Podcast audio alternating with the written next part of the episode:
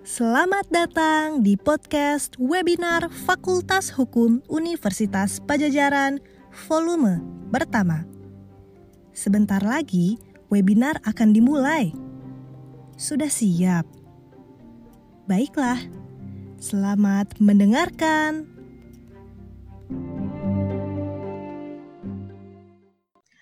Assalamualaikum warahmatullahi wabarakatuh. Salam jumpa. Waalaikumsalam warahmatullahi wabarakatuh.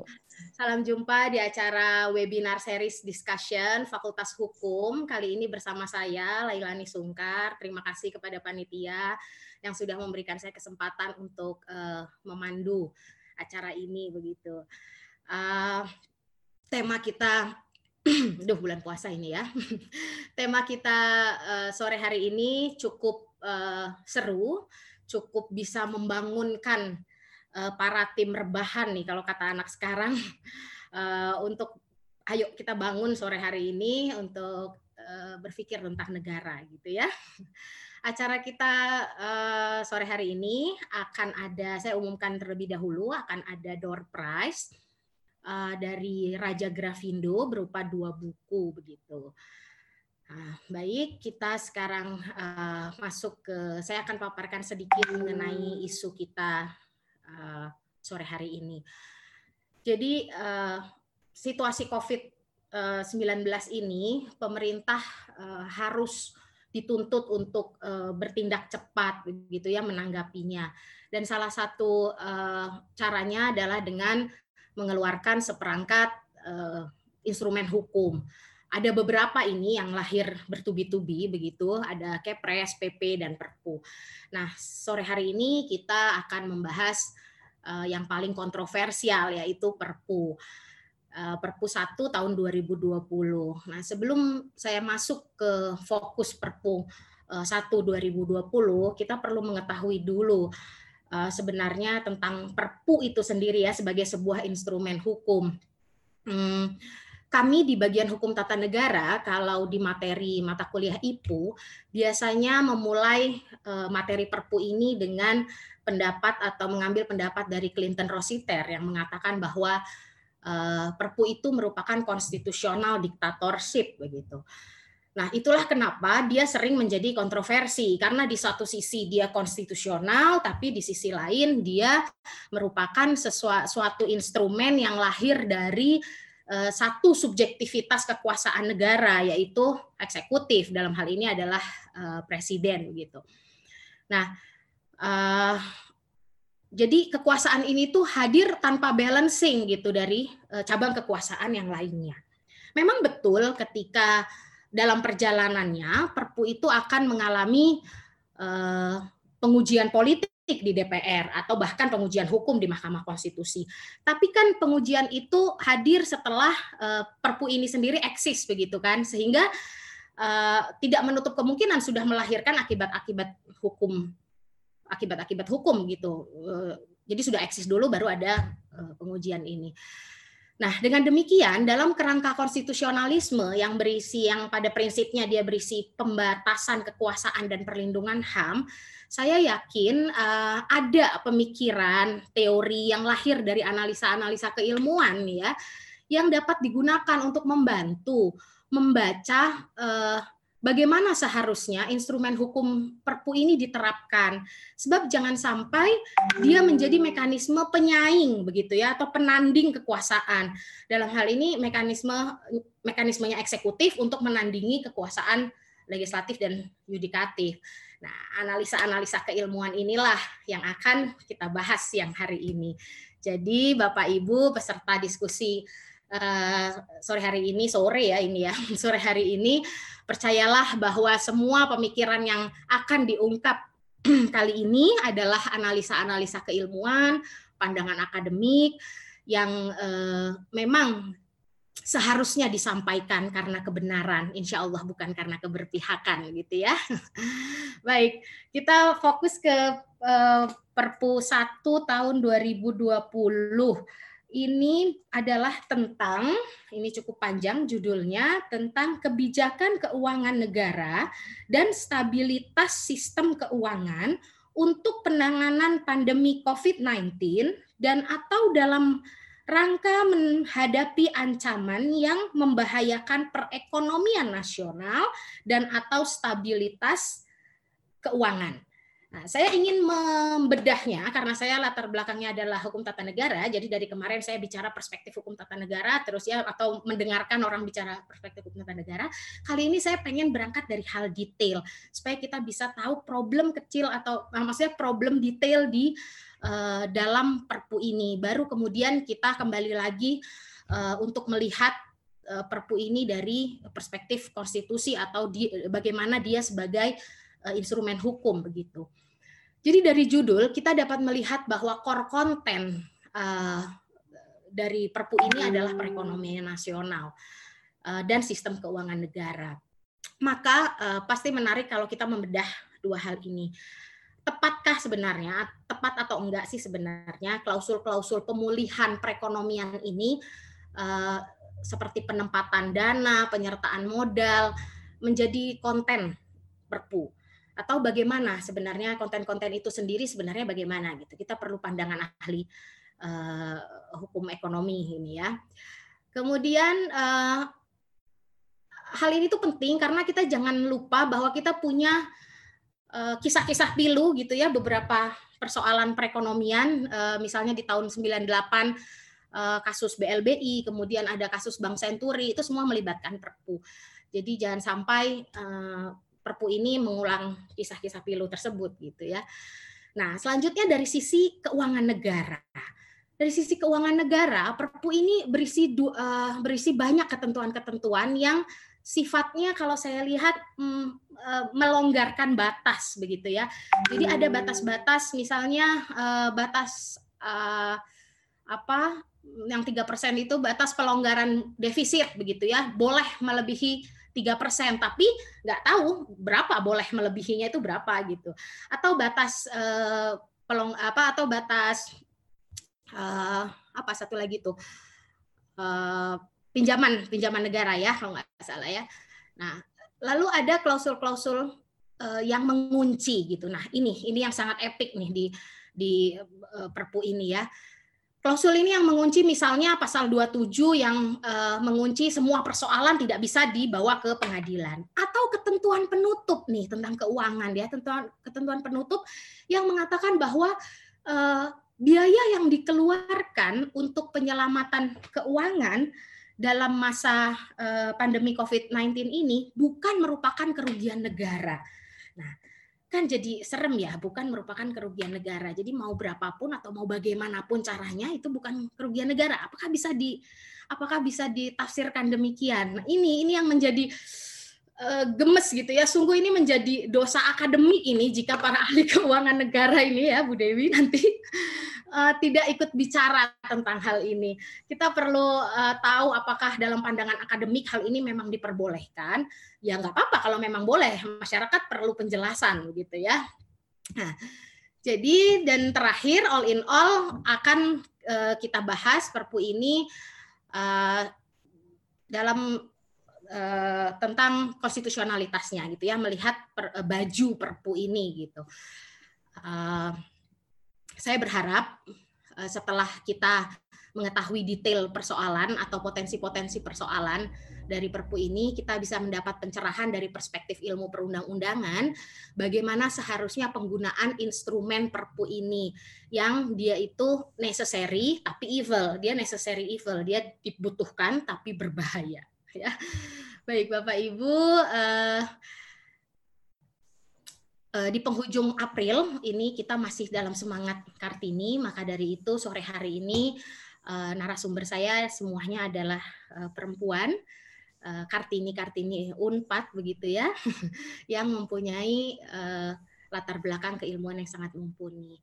Yang pertama ada Profesor Dr. An, -An Chandra Wulan SHLLM. Beliau menyelesaikan masternya di University of Leuven, Belgia dan eh, program doktoral di Universitas Pajajaran. Eh, Prof. An-An akan mengupas perpu dari sisi eh, hukum ekonomi dan bisnis. Selanjutnya dari sisi perspektif keuangan negara ada Dr. Dewi Kania, SHMH, Doktor Kebanggaan dari Universitas Pajajaran. Dan terakhir akan ditutup oleh Prof. Susi Dwi Haryanti, uh, SH LLM PhD, yang menyelesaikan master dan PhD-nya di Monash Australia. Baik, uh, saya persilahkan ya langsung kepada uh, Bu An An, uh, Prof. An An, silahkan.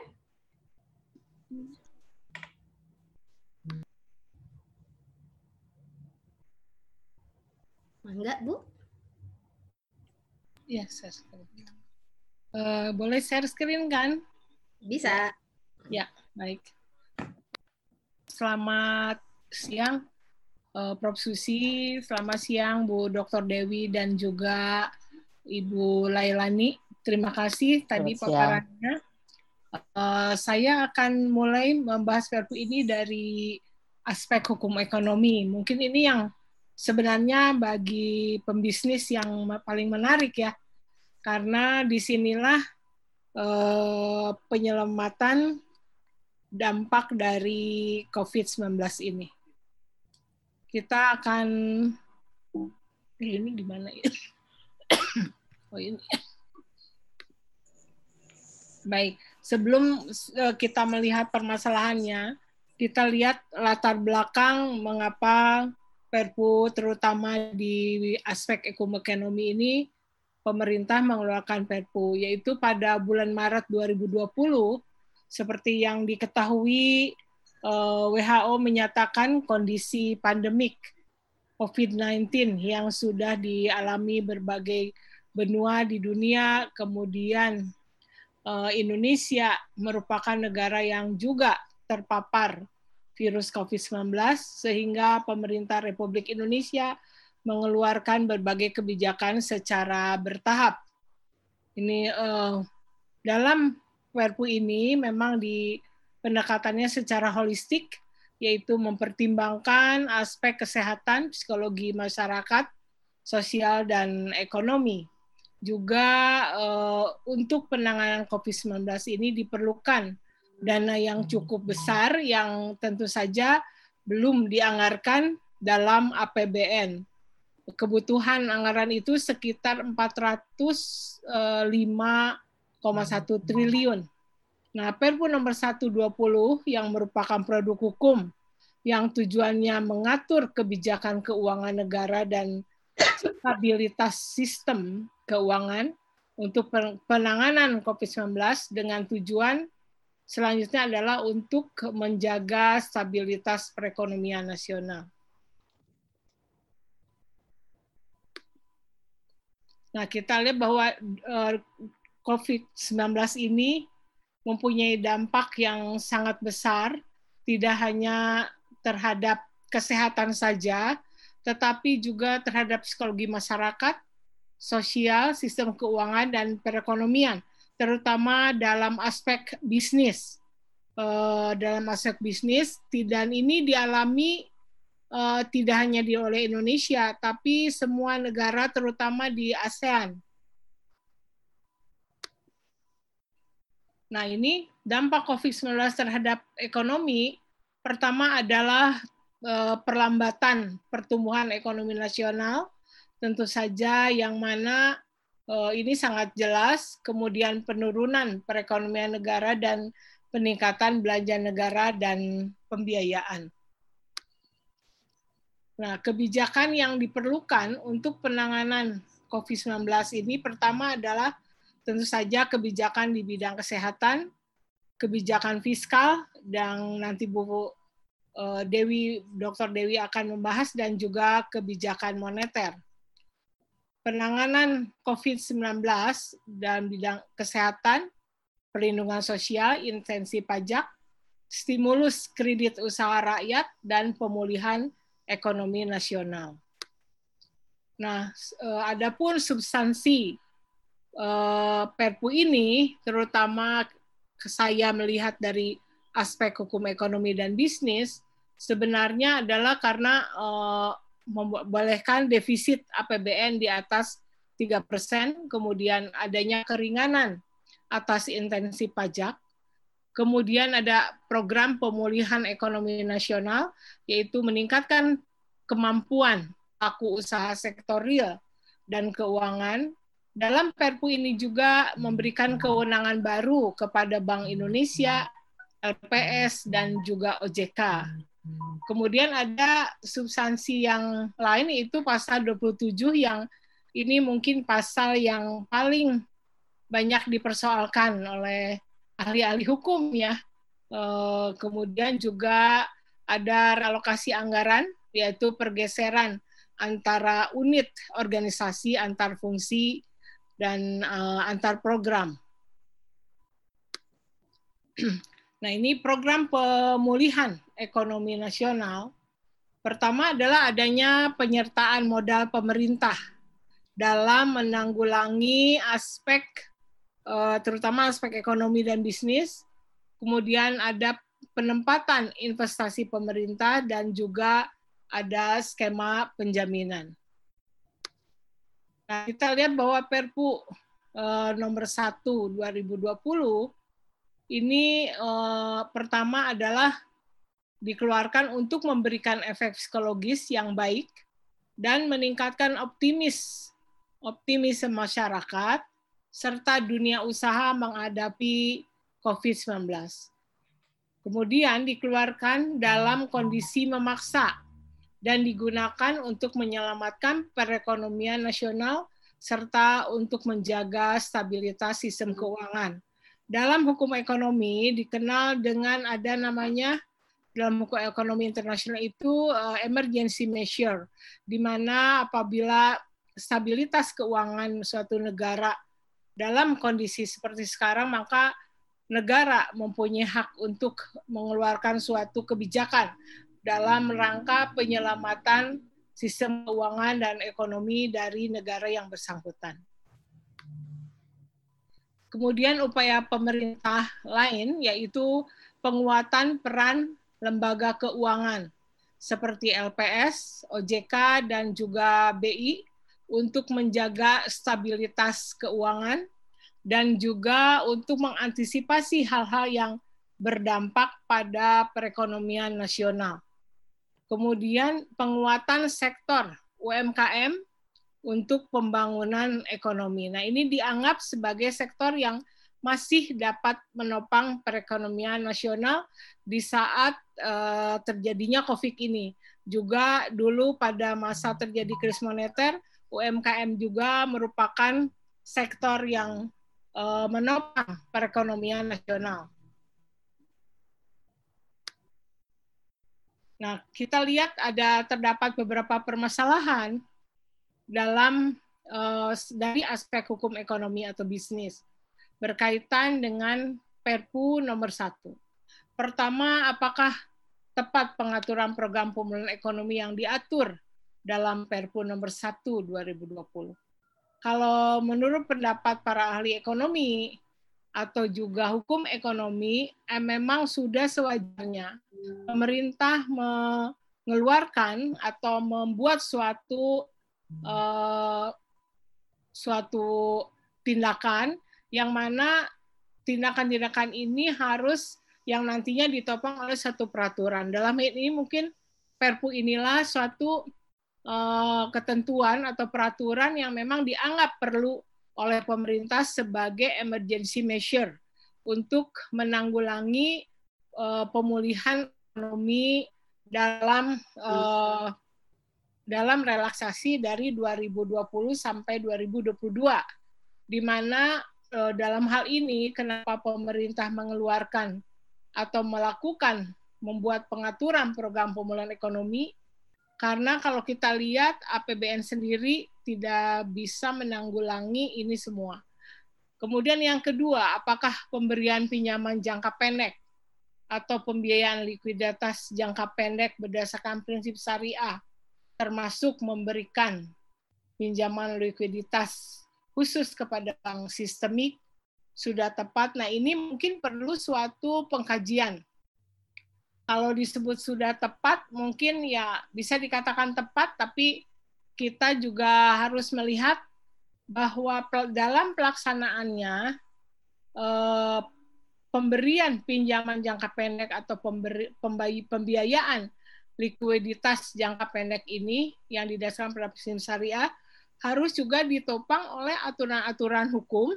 Tentu saja bukan hanya peraturan pemerintah, tapi dalam pelaksanaannya mungkin ada eh, ketentuan-ketentuan lain yang menyertainya. Kemudian yang ketiga, apakah sudah tepat pengaturan pembelian surat utang negara dan surat berharga syariah negara berjangka panjang di pasar perdana untuk penanganan permasalahan sistem keuangan yang membahayakan perekonomian nasional. Dalam konteks pemulihan ekonomi nasional, tentu saja pemerintah mengeluarkan peraturan pembelian surat utang itu tidak semena-mena. Kalau kita lihat beberapa negara pun melakukan hal yang sama kecuali memang negara tersebut punya uh, tabungan negaranya ya.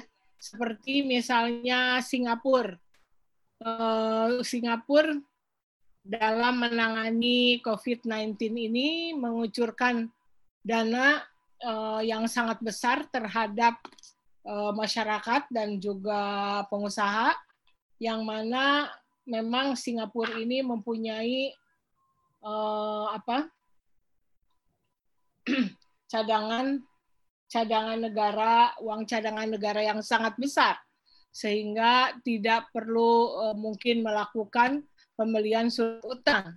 Kemudian juga uh, hal ini juga dilakukan juga penanganan ini oleh seperti uh, Australia, Australia juga yang terdampak oleh COVID ini juga sama mereka juga melakukan yang namanya hibernasi ya untuk me, melakukan pemulihan terhadap ekonomi. Adapun hibernasi itu adalah menidurkan perekonomian. Jadi pemerintah memberikan bantuan langsung kepada para pekerja di mana uh, sehingga untuk sementara perekonomiannya ditidurkan dulu sampai COVID-19 ini uh, berakhir. Kemudian juga sama yang dilakukan oleh Malaysia, kemudian juga uh, Jepang. Jepang juga ada paket ekonomi, jadi hampir semua negara di dunia melakukan pemulihan ekonomi di mana negara membuat pengaturan-pengaturan untuk uh, memulihkan perekonomian nasional. Tapi memang ada yang me, me, ada yang membuat pengaturan pembelian surat utang, tapi ada juga yang tidak.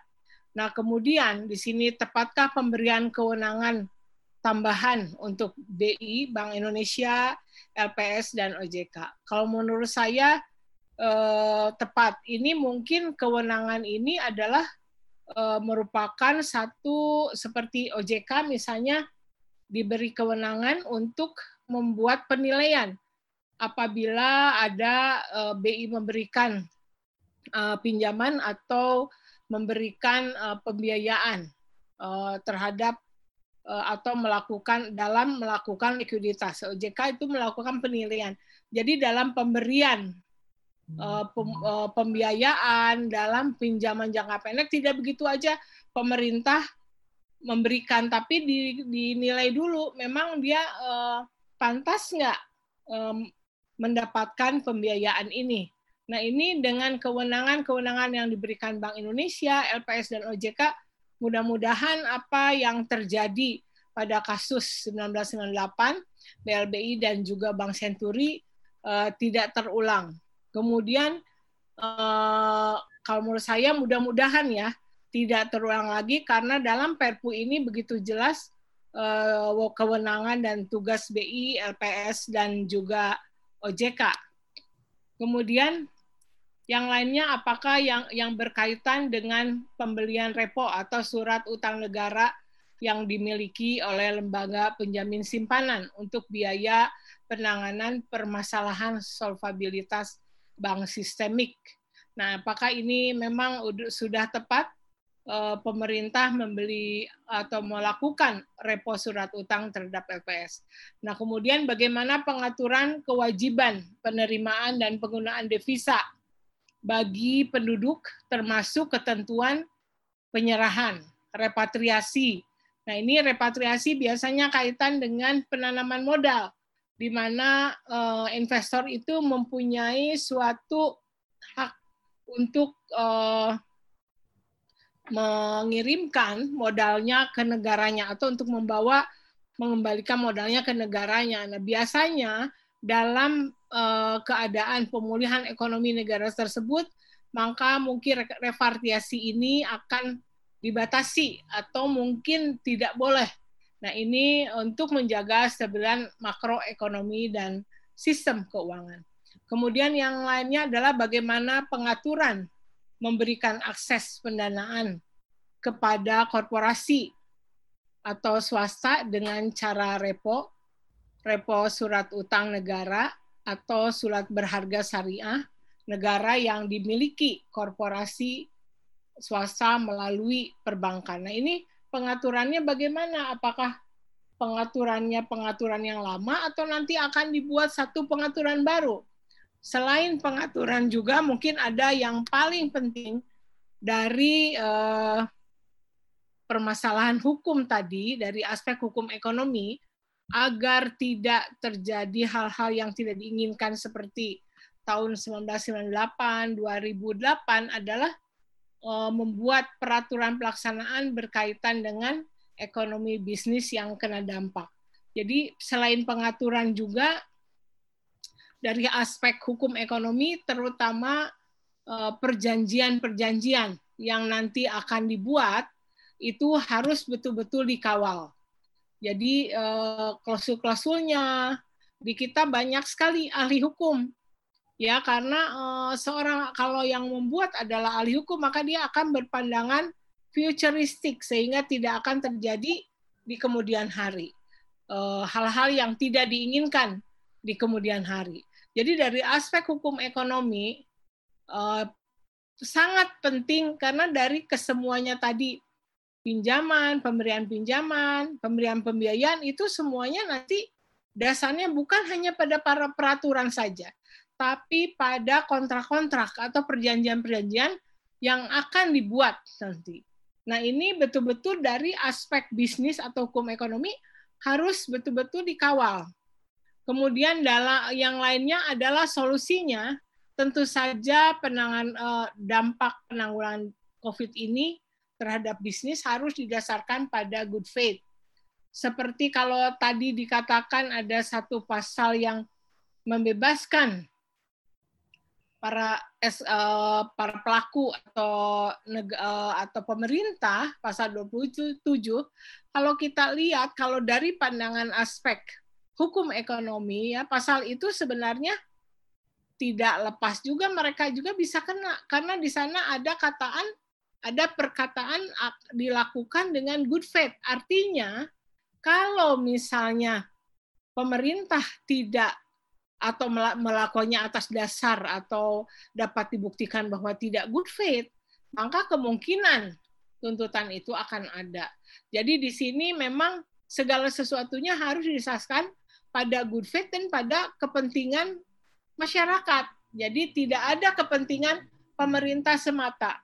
Ini betul-betul kalau dari aspek hukum, baik dari peraturan maupun aturan pelaksanaan, sampai kepada kontrak-kontrak yang dibuat karena pada dasarnya untuk uh, aspek ekonomi dan bisnis itu pemberian bantuan, pemberian pinjaman, likuidasi, pembiayaan semuanya didasarkan pada perjanjian. Nah, perjanjian yang seperti apa kira-kira yang nanti tidak akan menimbulkan permasalahan di kemudian hari. Walaupun ini ada pembiayaan jangka pendek, ada terutama untuk pembiayaan jangka panjang ya. Nah, ini juga yang terakhir adalah harus diantisipasi manakala timbul sengketa atau tuntutan dari berbagai pihak yang dirugikan dengan adanya per, uh, Perpu ini yang berkaitan dengan ekonomi dan bisnis, terutama mungkin investor ya yang di mana kebijakan-kebijakan pemerintah membatasi uh, gerak para investor ini. Nah ini harus diantisipasi oleh pemerintah. Mungkin uh, permasalahan ini akan tipu tidak sekarang, tapi mungkin di kemudian hari Kemudian yang lainnya juga harus di uh, harus juga dipikirkan uh, ketentuan kebijakan dalam bidang ekonomi atau bisnis seperti tadi ya pinjaman pembiayaan apakah hanya berlaku bagi masyarakat Indonesia saja? Bagi bank Indonesia saja?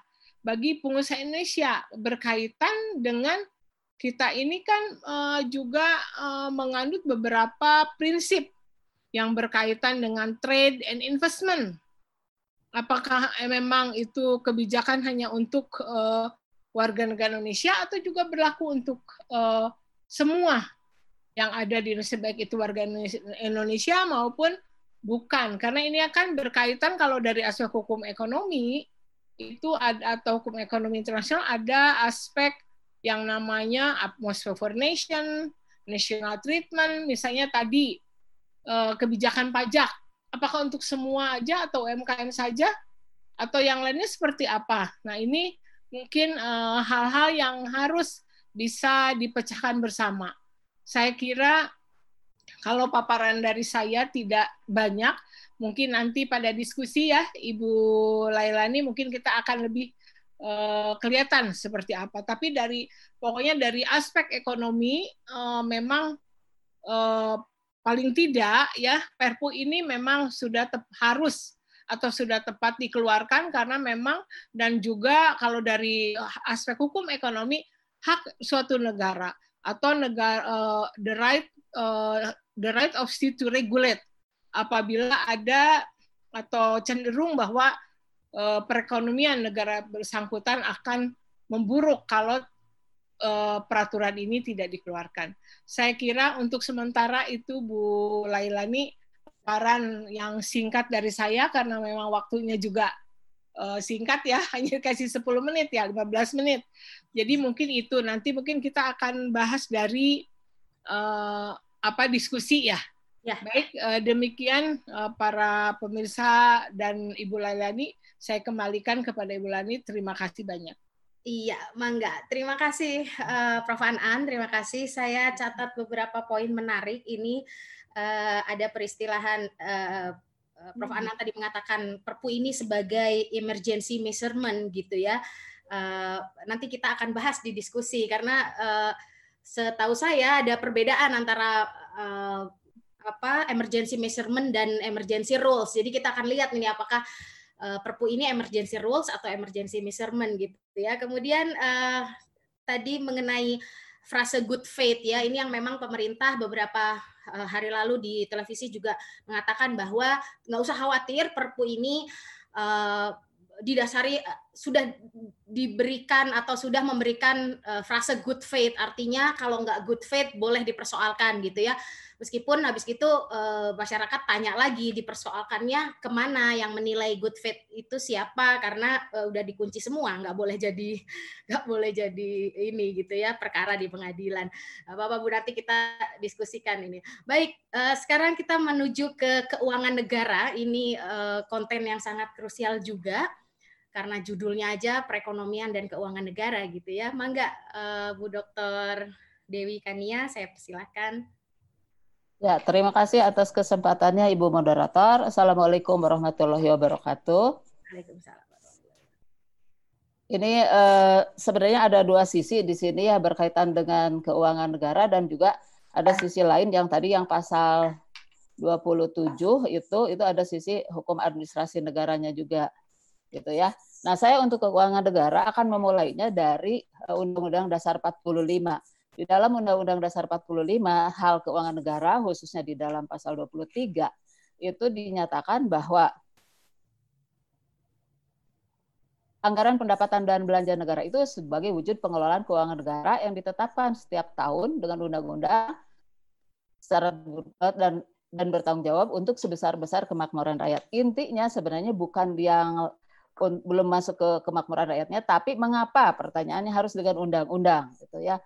Nah, ini ada dua makna. Makna yang tersurat yaitu perintah dari Undang-Undang Dasar 45 yaitu harus dengan undang-undang kan begitu ya. Sementara makna yang tersiratnya bahwa mengapa harus dengan undang-undang. Nah, ini karena harus ada persetujuan dari rakyat. Karena rakyat itu menentukan nasib bangsa dan negara ini. Intinya seperti itu. Ini korelasinya dengan pasal 1 ayat 2 Undang-Undang Dasar 45 bahwa kedaulatan itu berada dan dilaksanakan di, berada di tangan rakyat dan dilaksanakan menurut Undang-Undang Dasar 45. Nah, mengapa menurut Undang-Undang Dasar 45? Karena kita kan tidak langsung menanyakan kepada rakyat, rakyat setuju atau tidak. Nah, persetujuan ini lahirnya nanti dari DPR, di mana di situ eh, di dalam pasal 20 ayat 1 bahwa Dewan Perwakilan Rakyat itu memiliki kekuasaan atau untuk membentuk undang-undang. Nah, ini juga didasari karena Indonesia sebagai negara hukum. Itu seperti itu ya. Kemudian saya mencoba juga akan melihat dari sisi bagaimana negara itu mendapatkan uang. Itu sumber keuangan negara ya ada hasil dari sumber daya alam, keuntungan BUMN, pajak, cetak uang, sumbangan, hibah, hadiah, denda, sita, retribusi, cukai. Sementara dalam APBN sendiri, dalam Undang-Undang APBN hanya ada tiga kategori sebenarnya, pajak, PNBP, dan hibah gitu ya. Nah, ketika eh, kalau kita mengandalkan pada hibah atau hadiah atau sumbangan, ini juga akan tidak baik ya, karena kita mengandalkan pada pemberian pihak lain gitu. Sementara kalau cetak uang itu juga beresiko karena akan melahirkan inflasi. Idealnya dalam keadaan normal adalah sebenarnya dari pajak, ya. Hmm. Tapi kondisinya sekarang beda lagi. Pajak eh, akan hidup bagus bagi kalangan masyarakat atau jika masyarakatnya ekonomi masyarakatnya kuat. Ketika ekonomi masyarakat lemah, ini boro-boro untuk bayar pajak, tentu begitu kan? Nah, pastinya juga rakyat untuk kehidupan primernya saja untuk kebutuhan selanjutnya repot gitu di situ. Nah kemudian saya akan melihat dari sisi, nah ini yang saya utarakan di sini adalah melihat dari sisi undang-undangan keuangan negara, yaitu Undang-Undang 17 2003, Undang-Undang 1 2004 dan Undang-Undang 15 2004. Ini paket undang-undang ini adalah sebagai pengganti dari Indise Kontabiliteit Wet atau Undang-Undang Perbendaharaan Negara yang dibuat di zaman Belanda yang sebenarnya sampai tahun 2003 sebelum munculnya undang-undang ini itu masih berjalan di Indonesia, masih uh, uh, diberlakukan gitu ya. Nah, kalau lihat dari Undang-Undang 17 2003 bahwa presiden itu sebagai kepala pemerintahan memegang kekuasaan keuangan negara sebagai bagian dari kekuasaan pemerintah itu. Kemudian kekuasaan tersebut pertama dikuasakan kepada Menteri Keuangan dan kemudian dikuasakan kepada menteri atau pimpinan lembaga teknis lain. Yang kemudian juga diserahkan kepada gubernur, bupati, wali kota. Ini sesuai dengan prinsip otonomi gitu ya, seperti itu. Nah, kalau digambarkan ya seperti ini. Ada yang dikuasakan kepada Menteri Keuangan dan Menteri Teknis atau ketua lembaga yang lain dan yang diserahkan itu pada daerah gubernur, wali kota, bupati. Inti, intinya seperti itu. Nah, Menteri Keuangan merupakan pembantu presiden di bidang keuangan, merupakan CEO-nya bagi pemerintah RI. Sementara Menteri Dato lembaga yang lain itu sebagai COO-nya gitu ya. Menteri Keuangan itu memiliki tugas banyak sebenarnya itu kan tugasnya antara lain menyusun kebijakan fiskal dan dan kerangka ekonomi makro, menyusun rancangan APBN dan rancangan perubahan APBN, mengesahkan dokumen pelaksanaan anggaran, melakukan perjanjian internasional di bidang keuangan, melaksanakan pendapatan negara itu yang kemudian dinamakan nanti pajak. Ini di sini. Sehingga kalau dikaitkan dengan Perpu Perpu 1 2020 ini wajar jika Menteri Keuangan nanti eh, untuk menindaklanjuti menindaklanjuti Perpu ini mengeluarkan beberapa peraturan Menteri Keuangan. Misalnya tentang insentif pajak gitu ya karena memang saat ini untuk insentif pajak itu sangat diperlukan oleh masyarakat.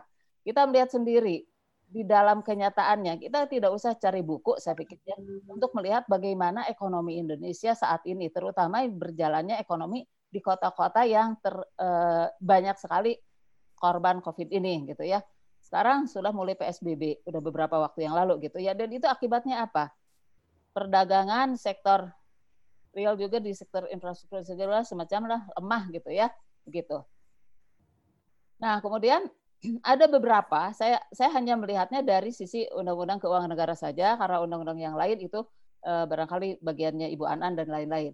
Hanya saja saya tidak di sini tidak memasukkan di undang-undang eh, perpajakannya karena undang-undang perpajakan justru lebih memberikan banyak uh, insentif. Insentif itu diberikan idealnya memang tidak boleh pilih kasih karena di dalam pajak itu ada prinsip non diskriminasi. Jadi ada perlakuan yang sama terhadap wajib pajak. Nah, namun demikian di dalam Perpu ini memang tidak semua diberikan insentif-insentif tadi gitu ya. Tetapi sebenarnya ini kan insentif yang khusus. Nah, masih ada di aturan-aturan perpajakan yang lain bagi wajib pajak wajib pajak tadi. Misalnya ada wajib pajak yang tidak uh, terkena kategori insentif uh, pajak di dalam uh, Perpu dan PMK Peraturan Menteri Keuangan. Itu bisa memanfaatkan yang peraturan yang lain, misalnya di Undang-Undang Pajaknya sendiri, di Undang-Undang KUP dan lain-lain gitu ya. Nah, ini untuk bidang keuangannya sendiri ada Undang-Undang 17 2003, Undang-Undang 1 2004, Undang-Undang 33 tahun 2004, Undang-Undang 6 tahun 2014 itu berkaitan dengan desa ya undang-undang desa dan kemudian undang-undang 20 tahun 2019 gitu. Karena di sini banyak aturan-aturan di dalam perundang-undangan ini yang kemudian akhirnya dinyatakan tidak berlaku. Ya, dikaitkan dengan apa yang saya katakan tadi yang eh, di slide yang kedua itu berarti di sini kalau dilihat dari isi peraturan yang dicabut tadi, yang tidak dinyatakan tidak berlaku tadi, itu justru berkaitan dengan adanya peran DPR dalam pembuatan eh, atau berkaitan dengan keuangan tadi. Itu. Saya ambil contoh misalnya gini ya. Di dalam pasal 12 ayat 3 pasal uh, di uh, apa?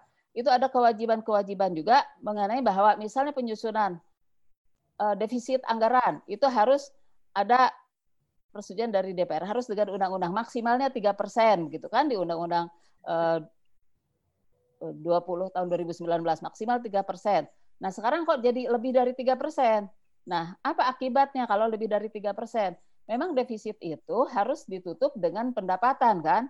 Tapi hmm. sekarang kita lihat pendapatan Indonesia itu untuk jam, eh, masa sekarang itu dari mana? Selama ini kan mengandalkan dari sektor pajak. Bisa dilihat di, Undang-Undang APBN eh, kalau saya cut off dari 2004 itu sudah mulai dari pajak yang sangat diandalkan. Bahkan sampai di tahun-tahun 2014 eh, ke sini, justru malah sekitar di atas 70% pendapatan dari pajak diandalkan. Tapi kondisinya sekarang ekonomi melemah, pajak bagaimana bisa dipungut gitu kan? Gitu. Itu di situ. Jadi saya pikir ini sesuatu hal yang berat buat pemerintah juga. Karena ini jadi dilematis. Misalnya dipungut pajaknya, dipaksakan dipungut pajaknya tanpa insentif, maka itu akan membebani masyarakat. Jadi masyarakat akan lebih sengsara lagi, begitu ekonomi terpuruk lagi. Sudah ekonomi sekarang begini, gitu, kemudian dipaksa dipungut pajaknya. Tapi di sisi lain, kalau pemerintah memberikan insentif, baik itu pengurangan, pembebasan, ataupun misalnya dijadikan eh, nol persennya atau bagaimana itu insentif itu banyak bentuknya. Nah ini juga akan menjadi hal yang buat pemerintah itu tidak dapat menarik uang untuk mengisi kas negara dari sektor pajak ini. Berarti pendapatan yang telah direncanakan di dalam APBN, di mana Undang-Undang APBN untuk APBN 2020 ini ada Undang-Undang 20 eh, tahun 2019. Itu sudah dicanangkan sekian kuadriliun. Berarti itu tidak akan tercapai. Mau tidak mau ini harus disiasati dengan adanya penurunan rencana pendapatan dari pajak. Nah, kalau dilihat dari tahun-tahun sebelumnya pun APBN kita kan selalu defisit gitu ya. Nah, masalahnya kemudian kalau misal ta tadi uh, si kekurangan uang yang masuk ke pendapatan negara ini ditutup dengan utang misalnya, ini juga beresiko. Ya, utang terus numpuk, maka nanti suatu saat akan harus dibayar kan? Ya, kalau harus dibayar, mana utang luar negeri itu biasanya kan pakai valuta asing. Kemudian dipakai dibayar pakai uh, valuta asing uh, angkanya akan terus membesar ya sehingga melemahlah nilai rupiah gitu. Jadi pelemahan nilai rupiah akan terjadi di sini. Inilah yang akan nanti juga menimbulkan salah satu defisit gitu kan seperti itu. Ya. Memang tidak ditentukan berapa jumlahnya gitu ya maksimal lebih dari tiga persen berapa karena memang ini kan berlaku nanti untuk tiga tahun ya, tiga tahun 2020, 2021 dan 2022. Ini sebenarnya ditentukan dalam tiga tahun sudah ada suatu uh, kebijakan yang bagus karena apa? Uh, kalau ditentukan hanya tahun ini saja, tahun depan gimana? Lah, justru permasalahan timbul yang sekarang. Ekonomi sempit ini, ekonomi lemah itu di tahun 2020. Sehingga tidak mungkinlah untuk menjor-joran menarik dari pajak yang besar-besaran dari untuk tahun pajak 2020 yang akan dibayar di 2021 gitu. Itu sebenarnya seperti itu ya. Ah, kemudian saya mungkin karena ada sesuatu apa ya ini nih ya akan langsung ke beberapa hal di sini. Nah, ada berkaitan dengan pasal 43 Undang-Undang 20 eh, tahun 2019. Itu postur APBN. Seyogianya memang APBN itu ditentukan oleh dalam undang-undang gitu kan, dengan diatur dengan undang-undang. Tapi ini juga kan dengan Perpu hanya mengubah undang-undang APBN yang lama. Kemudian di situ disebutkan juga bahwa rinciannya itu apa namanya postur anggarannya itu merupakan ada di dalam lampiran undang-undang tadi. Nah, kemudian kalau sekarang itu dimunculkan di dalam Perpres. Di mana Perpres itu kalau dilihat dari hierarki peraturan perundang-undangan itu berada di bawah uh, undang-undang, ya agak jauh di bawah uh, undang-undang. Itu. Itu di situ. Mungkin pertanyaannya mengapa harus dengan Perpres? Mengapa tidak dengan yang lain? Kenapa tidak menjadi lampiran uh, dari Perpu? Nah, mungkin nanti Ibu Susi yang bisa memberikan uh, apa namanya? Eh, gambaran lebih jauh tentang lampiran-lampiran itu. Nah, kemudian berkaitan dengan pasal 27 di dalam Perpu. Ini di dalam ayat 1 itu dinyatakan bahwa bla bla bla bla itu bukan merupakan kerugian negara. Kita lihat apa itu definisi dari kerugian negara ya. Kerugian negara, kerugian negara itu bisa dilihat di pasal 1 angka 22 Undang-Undang Perbendaharaan Negara dan juga Undang-Undang eh, BPK Undang-Undang 15 2006 di dalam angka satunya. Nah, di situ ada unsurnya bahwa ke yang namanya kerugian negara itu ada kekurangan uang, surat berharga dan barang, kemudian yang nyata dan pasti jumlahnya. Kemudian di situ ada persyaratan atau unsur lainnya itu ada perbuatan melawan hukum. Itu. Nah, kemudian kembali ke dalam ayat 2-nya bahwa ini dinyatakan bahwa ada apa namanya? tidak bisa dituntut secara perdata ataupun pidana berkaitan dengan tindakan mengeluarkan uang negara tadi, begitu ya, kan seperti itu. Ya. Nah, sebenarnya ada tidak adanya wabah ini yang namanya sudah anggaran itu harus dikeluarkan, gitu kan? Dalam kondisi normal pun ada persyaratan, itikat baik itu harus ada. Kita ambil contoh, misalnya bansos-bansos yang dikeluarkan oleh Pemda itu harus dilakukan dengan sesuai dengan aturannya dan dengan itikat baik. Toh sekarang banyak kasus-kasus berkaitan dengan bansos ditarik ke korupsi. Memang karena ada tidak itikat baiknya itu ada di situ. Itu di situ ya. Apalagi dalam situasi sekarang begini mungkin jangan sampai supaya stressing di adanya itikat baik itu, good faith itu supaya tidak ada yang aji mumpung gitu kan ya. Ah, aji mumpung ya keluar-keluarkan aja. Nah, tetap tidak bisa seperti itu. Selain itikat baik di sini sebenarnya peran pengawasan dari pengawas baik itu internal di institusi yang bersangkutan maupun juga pengawasan eksternalnya dari BPK misalnya harus berjalan terus sampai sekarang gitu ya. Karena selama ini kalau dilihat nanti mungkin ini juga mungkin ada kekhawatiran ya dari uh, pencantuman ayat ini di dalam Perpu. Takutnya nanti kan kalau dilakukan post audit setelah segala sesuatunya berlangsung, uh, kemudian dinyatakan itu ada kekurangan atau gini-gini gini segala macam. Jadi seolah disalahkan gitu. Sehingga di sini ada jaga-jaga begitu ya. Ada jaga-jaga supaya di situ di situ dikatakan bukan eh, apa tidak dapat dituntut baik secara perdata maupun pidana. Tapi kita lihat lagi di sini. Nah, dilihat dari segi hukum administrasi negara gitu ya. Kita lihat dulu dari eh, undang-undang dasarnya dulu sebagai induk dari sumber hukum administrasi negara ini. Bahwa secara normatif tidak ada kekebalan hukum itu. Ya, tidak ada. Pejabat ataupun rakyat itu tidak ada yang kebal hukum. Semua yang salah ya ada hukumannya begitu kan di situ. Itu kan ada asas bahwa eh, apa namanya persamaan dalam hukum, ya kan ada semua. Itu bisa dilihat di pasal 27 misalnya. Itu semua orang berkedudukan sama di depan hukum kan begitu tidak ada kekebalan hukum. Ya. Nah, kalau dilihat dari undang-undang uh, sorry Perpu tadi pasal 27 ayat 2 itu sebenarnya mungkin merupakan suatu perlindungan bagi aparat tadi. Karena di sini misalnya hukum administrasi negara itu ada hukum administrasi negara otonom dan hukum administrasi uh, heteronom. Yang heteronom ini yang menjadi induk dari hukum administrasi negara otonom. Di dalam hukum administrasi negara ini sebenarnya si hukum administrasi negara ini memiliki fungsi untuk melindungi rakyat ya atau warga negara dan juga sekaligus melindungi pejabat yang bertindak benar. Jadi rakyat atau pejabat yang tidak benar yaitu tetap saja tidak akan dilindungi. Kan begitu ya malah harus dihukum gitu ya. Nah contoh lagi tentang han uh, heteronom ini misalnya di undang-undang administrasi pemerintahan.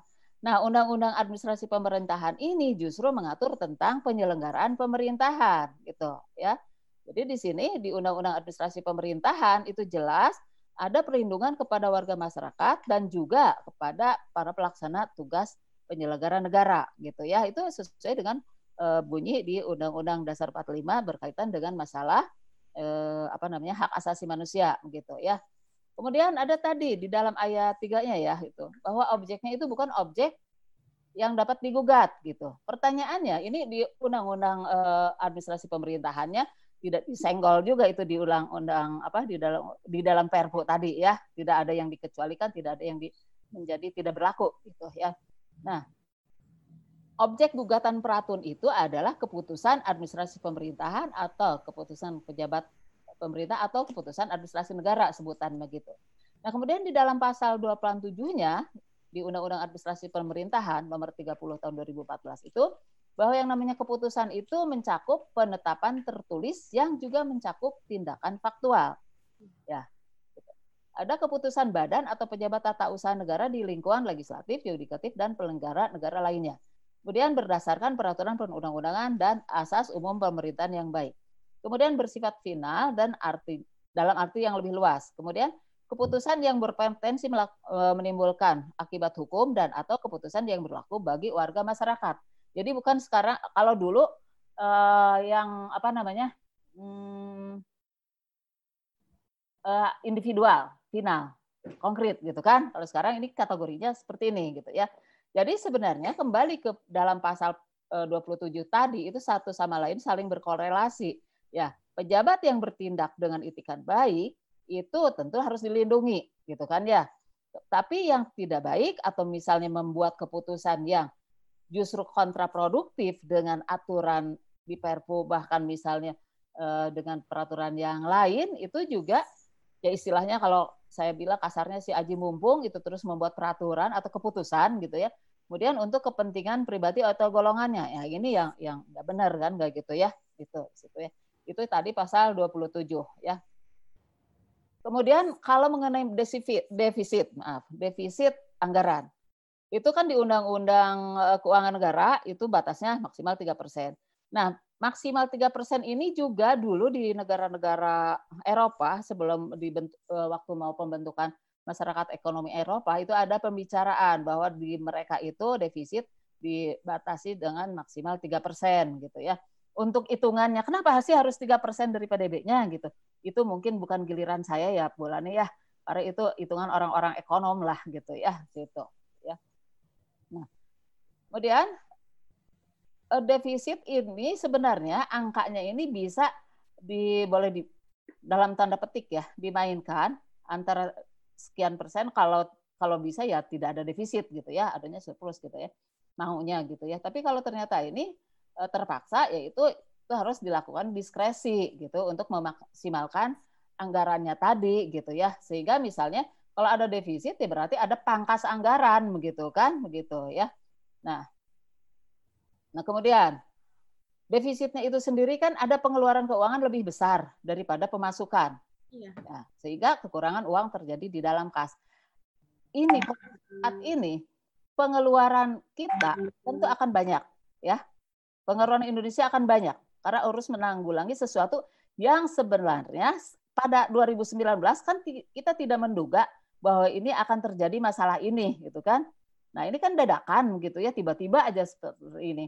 Sehingga mungkin di dalam APBN ya di dalam Undang-Undang APBN 20 tahun 2019 ini tidak uh, untuk kesehatan itu tidak di apa namanya tidak dialokasikan sebagian besar begitu ya.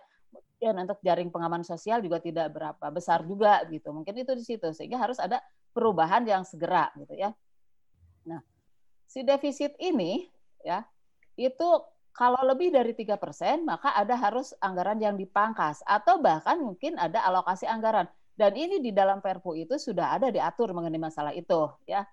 Kemudian tadi ini cara mengatasi defisit bagaimana? Ini memaksimalkan sumber keuangan negara baik dari dalam maupun dari luar.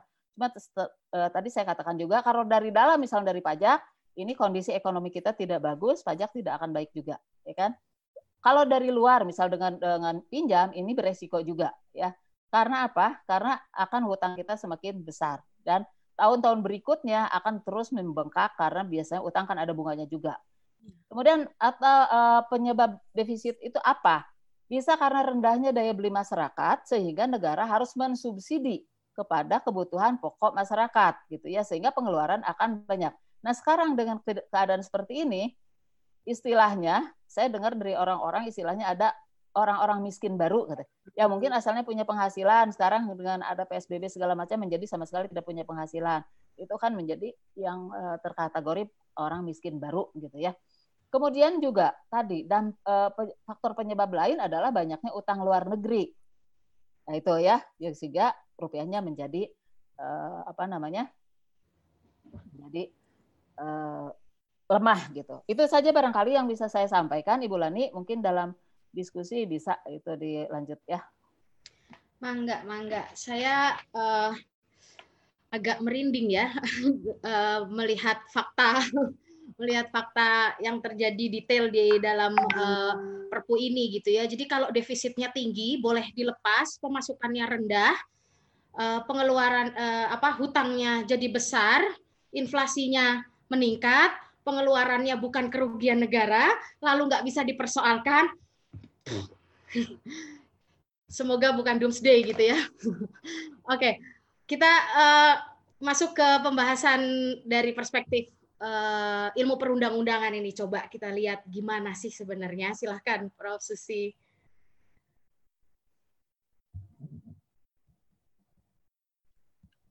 Enggak, Bu Susi. Terima kasih uh, Saudara Lami sebagai moderator.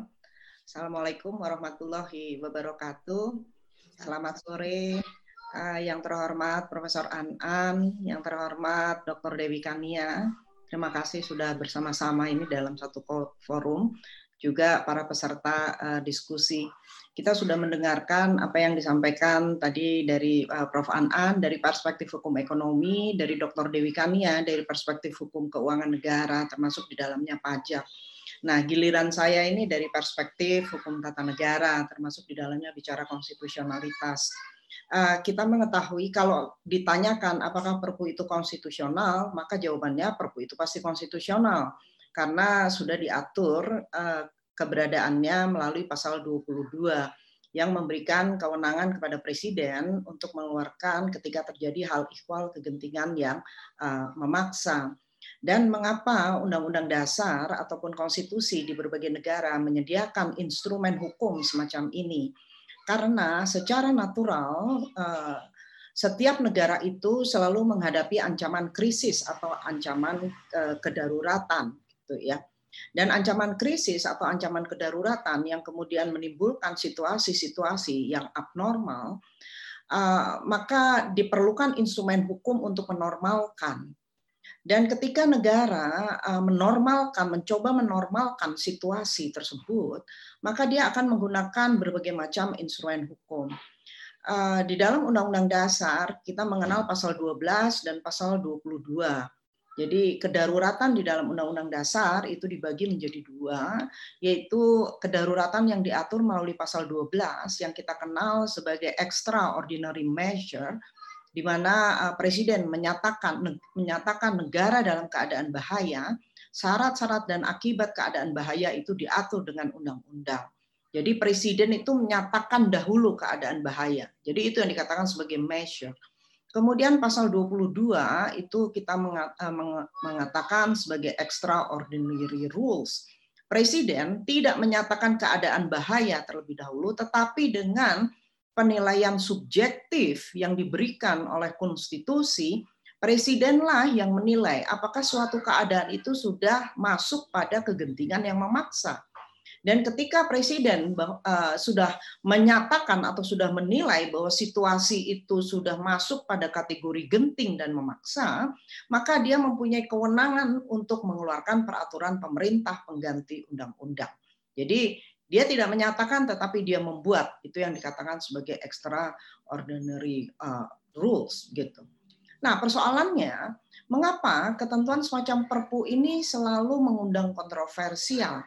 Kalau kita mengikuti uh, uh, harian Kompas, pada tanggal 27 April yang lalu, Profesor Mahfud MD sebagai Guru Besar Hukum Tata Negara dan Menteri uh, Polhukam, beliau menulis di dalam sebuah artikel di Kompas tersebut dengan judul "Tak ada Perpu yang tak kontroversial." Gitu.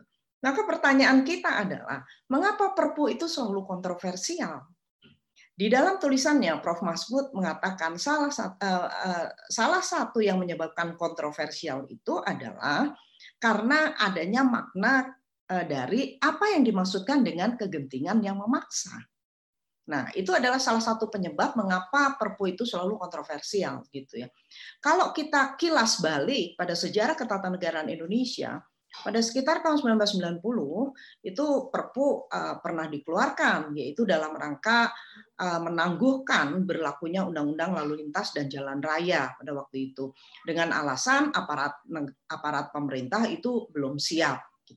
Kemudian kita juga masih belum lupa pada zaman SBY uh, Presiden mengeluarkan Perpu dalam rangka untuk memperkuat MK katanya. Mengapa Perpu itu dikeluarkan? Karena uh, ketua MK saat itu yaitu Pak Akil Mohtar uh, eh, OTT karena OTT gitu. Nah kemudian uh, uh, pemerintah ini yang yang yang tidak boleh terjadi sebetulnya. Kemudian pemerintah itu berandai-andai. Bagaimana kalau hakim yang lainnya tertangkap? Kalau ada dua hakim yang tertangkap, maka MK tidak dapat melaksanakan fungsi, tidak dapat bersidang untuk memutuskan karena menurut ketentuan putusan itu diambil minimal oleh tujuh hakim. Nah, kalau enam hanya enam hakim gitu ya, maka MK tidak dapat uh, bersidang gitu. Nah, inilah salah satu alasan mengapa kemudian uh, uh, dikeluarkan Perpu. Meskipun belakangan tidak pernah ada lagi hakim yang uh, uh, tertangkap. Nah, dari dua hal itu kita melihat bahwa Eh, makna kegentingan yang memaksa ini menjadi satu makna yang sangat fleksibel. Satu makna yang tidak dapat diukur secara rigid. Nah, untuk mengatasinya, maka kemudian Mahkamah Konstitusi di dalam putusannya tahun 2009 mencoba membreakdown apa saja makna dari uh, uh, kegentingan yang memaksa tersebut. Jadi uh, misalkan ada satu kondisi uh, dia membutuhkan undang-undang, tetapi undang-undangnya tidak ada atau undang-undang ada tetapi tidak memadai, oleh karena itu harus uh, diatur dan tidak apa jika diatur dengan cara yang biasa itu tidak dapat untuk menyelesaikan persoalan. Nah, jadi MK sudah mencoba untuk mengelaborasi kriteria dari kegentingan yang memaksa tahun 2009 Pertanyaannya, apakah setelah keluar putusan Mahkamah Konstitusi, kontroversi itu menjadi hilang? Ternyata tidak. Karena sebagaimana dikatakan oleh Prof. Mahfud bahwa kontroversi itu selalu ada. Perpu itu tidak ada yang tidak kontroversial gitu. Oleh karena itu, hampir dapat dipastikan bahwa kontroversi itu tidak hanya semata-mata disebabkan oleh makna kegentingan yang memaksa. Tetapi ada persoalan-persoalan lain yang menyebabkan perpu itu menjadi kontroversi. Menurut saya, salah satu alasan yang sangat mendasar mengapa terjadi kontroversi-kontroversi di seputar perpu, yaitu karena materi muatannya tidak diatur secara limit atau tidak diatur secara jelas di dalam Undang-Undang Dasar 1945. Undang-Undang Dasar 1945 hanya mengatakan pada pasal 22 ayat 1, dalam hal ikhwal kegentingan yang memaksa, Presiden uh, berhak untuk mengeluarkan peraturan pemerintah pengganti undang-undang. Ayat 2-nya mengatakan peraturan pemerintah itu harus diajukan kepada DPR dalam sidang berikutnya. Kemudian ayat 3 mengatakan peraturan pemerintah itu jika tidak mendapatkan persetujuan maka harus dicabut. Pasal 22 sama sekali tidak memberikan guidance bagaimana makna dari kegentingan yang memaksa, sama sekali tidak memberikan guidance mengenai apa materi muatan yang dapat diatur oleh Perpu. Oleh karena itu, lagi-lagi dari lintasan sejarah kita mengetahui bahwa materi muatan Perpu itu sangat beragam. Pada zaman SBY, Perpu dikeluarkan untuk MK. Padahal itu satu level cabang kekuasaan eksekutif, satu level dengan cabang kekuasaan judikatif. Kemudian sekarang, Perpu 1 tahun 2020. Judulnya saja sudah panjang, tetapi dalam rangka pandemi, dan itu nanti yang salah satu juga menjadi eh, bahan kritik oleh Profesor eh, Maria Farida di dalam satu diskusi yang diselenggarakan oleh Puskapsi di Jember. Nah, jadi hal yang paling penting yang mendasari atau yang menyebabkan kontroversi itu karena tidak ada pembatasan materi muatan. Karena Undang-Undang Dasar tidak mengatur secara tegas, maka kemudian diatur di dalam Undang-Undang Nomor 12 tahun 2011 yang mengatakan bahwa materi muatan Perpu itu sama dengan materi muatan undang-undang. Artinya apa sama? Artinya materi muatan Perpu itu tidak ada batasannya. Persoalan kita sekarang, secara logika, apakah satu peraturan yang dikeluarkan dalam situasi abnormal layakkah mempunyai materi muatan sama dengan peraturan yang dikeluarkan pada masa normal. Ini persoalan yang harus kita pikirkan ini. Jadi karena Perpu itu merupakan satu instrumen hukum yang pada dasarnya adalah peraturan yang menyimpang dia itu. Tetapi penyimpangan itu dibenarkan secara konstitusi. Dibenarkan secara konstitusi bukan berarti bahwa materi muatannya itu dapat disamakan dengan materi muatan yang dibentuk pada situasi normal. Nah, ini adalah salah satu yang menurut saya sumber kontroversi yang paling penting. Akibatnya dia tidak tidak tidak dilimitasi atau tidak dibatasi. Kita melihat pasal 27 yang tadi oleh saudara moderator sudah disinggung dan disinggung juga oleh para pembicara yang lainnya yaitu ayat 1, ayat 2 dan ayat 3 gitu ya. Akibatnya apa? Kita ngelihat, kita melihat bahwa Perpu yang pernah dikeluarkan oleh SBY itu materi muatannya bersifat ketatanegaraan karena mengatur lembaga judikatif dan lembaga judikatif itu adalah lembaga ketatanegaraan. Sekarang nanti bisa kita kita kita diskusi misalkan dengan Dr. Dewi Kania gitu ya karena beliau adalah ahli HAM. Ketika ayat 3 mengatakan itu tidak menjadi objek gugatan TUN, apakah bukan berarti bahwa cabang kekuasaan eksekutif mengatur juga cabang kekuasaan judikatif? Dengan kompetensi-kompetensi ini, ini tidak menjadi objek uh, uh, gugatan gitu. Nah, kalau ini kita biarkan kalau perpu itu kita biarkan mengatur hal-hal yang tidak terbatas, maka dia akan juga mengatur hal-hal atau bidang-bidang yang bersifat ketatanegaraan. Nah, dengan demikian, kalau kita masuk dalam ranah ilmu hukum, materi-materi yang bersifat ketatanegaraan itu merupakan ranah hukum tata negara. Apakah perpu itu dapat masuk dia dapat memuat ranah-ranah materi-materi di dalam ranah hukum tata negara yang bersifat ketatanegaraan. Nah, kalau ini kita biarkan, maka kita dihadapkan pada dua situasi. Di satu sisi, di satu pihak, kita membiarkan perpu itu melemahkan atau menggerogoti kekuasaan dari cabang-cabang kekuasaan yang lain, dalam hal ini bisa cabang kekuasaan legislatif, cabang kekuasaan judikatif, ataupun juga cabang-cabang kekuasaan yang lain. Dan di pihak lain, kita membiarkan kita me, uh, me, apa, kita membiarkan presiden untuk memperluas kekuasaannya. Ini adalah resiko kalau uh, peraturan semacam Perpu, peraturan yang dikeluarkan dalam situasi abnormal dibiarkan tidak dapat dibatasi dalam perspektif materi muatan. Di beberapa negara, Indonesia Indonesia itu bukan satu-satunya negara yang punya uh, peraturan seperti Perpu. Ada berbagai negara. Tadi saya katakan, karena ini peraturan yang dikeluarkan dalam situasi abnormal, apalagi yang tadi dikatakan oleh Bulani sebagai peraturan yang mempunyai karakter kediktatoran atau constitutional dictatorship, maka untuk melimitasi kediktatorannya itu diatur di dalam undang-undang dasarnya.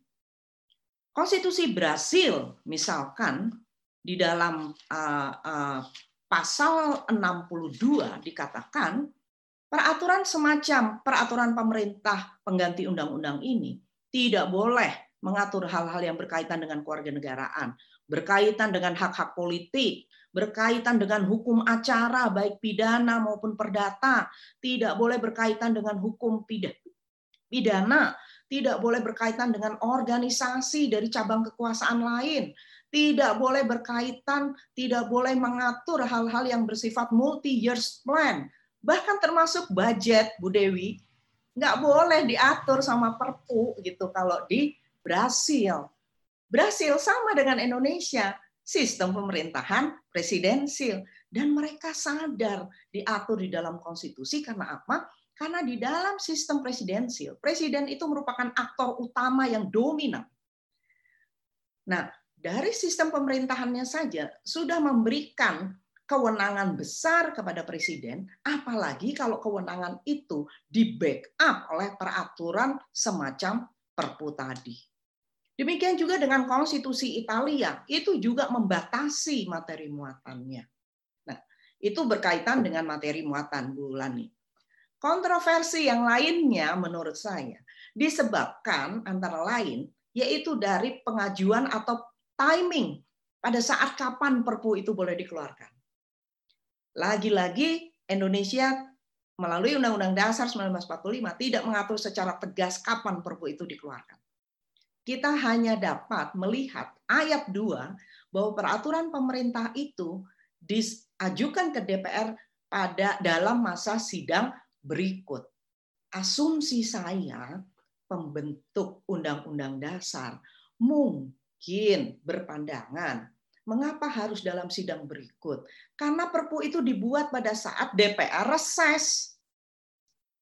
Kalau DPR tidak reses, kalau kita mau pakai kontrario, kalau DPR tidak reses, nggak boleh Perpu itu dikeluarkan. Harus dibahas, peraturan itu harus dibahas dengan DPR. Dan DPR itu harus memprioritaskan pembahasan rancangan undang-undang untuk mengatasi situasi abnormal gitu. Nah, saya sedikit kembali ke eh, materi muatan gitu ya. Oleh karena itu, kalau eh, ketentuan semacam ini juga dikenal di dalam Undang-Undang Dasar sementara tahun 1950, ketentuan semacam ini hanya boleh mengatur hal-hal yang bersifat penyelenggaraan administrasi negara jadi ranahnya tidak pada hukum tata negara, tapi ranahnya hanya pada hukum administrasi negara. Oleh karena itu dia nggak akan ngutak-ngutik itu hal-hal yang bersifat ketatanegaraan. Nggak boleh itu ngutak-ngutik hak-hak asasi manusia dan lain sebagainya. Gitu. Nah, saya kembali kepada timing tadi. Nah, menurut saya seharusnya Indonesia mulai berpikir secara serius bagaimana kita meletakkan perpu di dalam sistem perundang-undangan ini. Jadi termasuk yang tadi timingnya gitu ya. Nah, kalau misalkan dia tidak disetujui, kita bisa kita bisa bayangkan kalau dari materi muatan itu sama dengan undang-undang, katakanlah ada suatu tindakan dikriminalisasi oleh Perpu. Kemudian Perpunya ditolak oleh DPR. Tetapi sudah ada korban akibat kriminalisasi ini. Bagaimana akibat hukum yang harus kita atur? Di dalam pasal 52 Undang-Undang nomor 12 tahun 2011, akibat hukum itu harus diatur di dalam undang-undang penolakan. Tetapi yang uh, dijumpai, saya belum riset penuh, tetapi yang kita jumpai akibat hukumnya itu adalah akibat hukum yang ke depan, tidak akibat hukum yang ke belakang. Nah sekarang gimana kalau misalkan ini berkaitan dengan hak asasi manusia, orang sudah dijebloskan ke penjara, apa akibat hukumnya? Apakah itu juga tidak diatur? Gitu.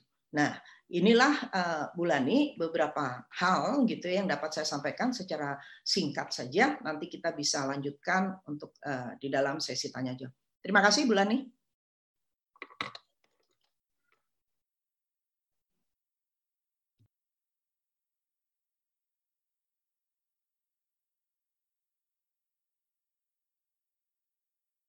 Bulani masih di mute ya itu. Oh iya ya, sorry sorry sorry. Baik, uh, saya akan langsung ke uh, eh, Q&A ya, akan langsung ke tanya jawab uh, supaya lebih efektif waktunya udah jam hampir jam 4 soalnya. Uh, di fitur Q&A ini baru ada tiga orang penanya, maka silahkan kepada yang lain jika ingin bertanya bisa raising hand dan dicatat oleh host nanti. Sementara kalau begitu karena cuma tiga, saya persilahkan kalau gitu ada saudara Salman Nazil, ada saudara Wicak, dan uh, Muhammad Rizaldi. Mangga tolong host bisa dipersilakan.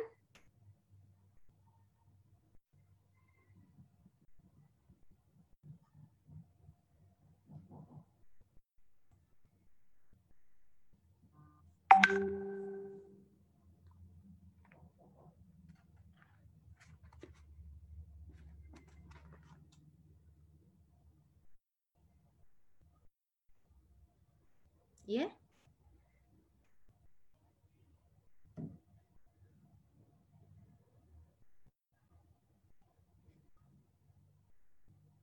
Bu An-An masih mute? Ya. Nggak kedengeran deh kayaknya. Ah. Dibacakan. Oh, dibacakan. Oh, sebentar, sebentar.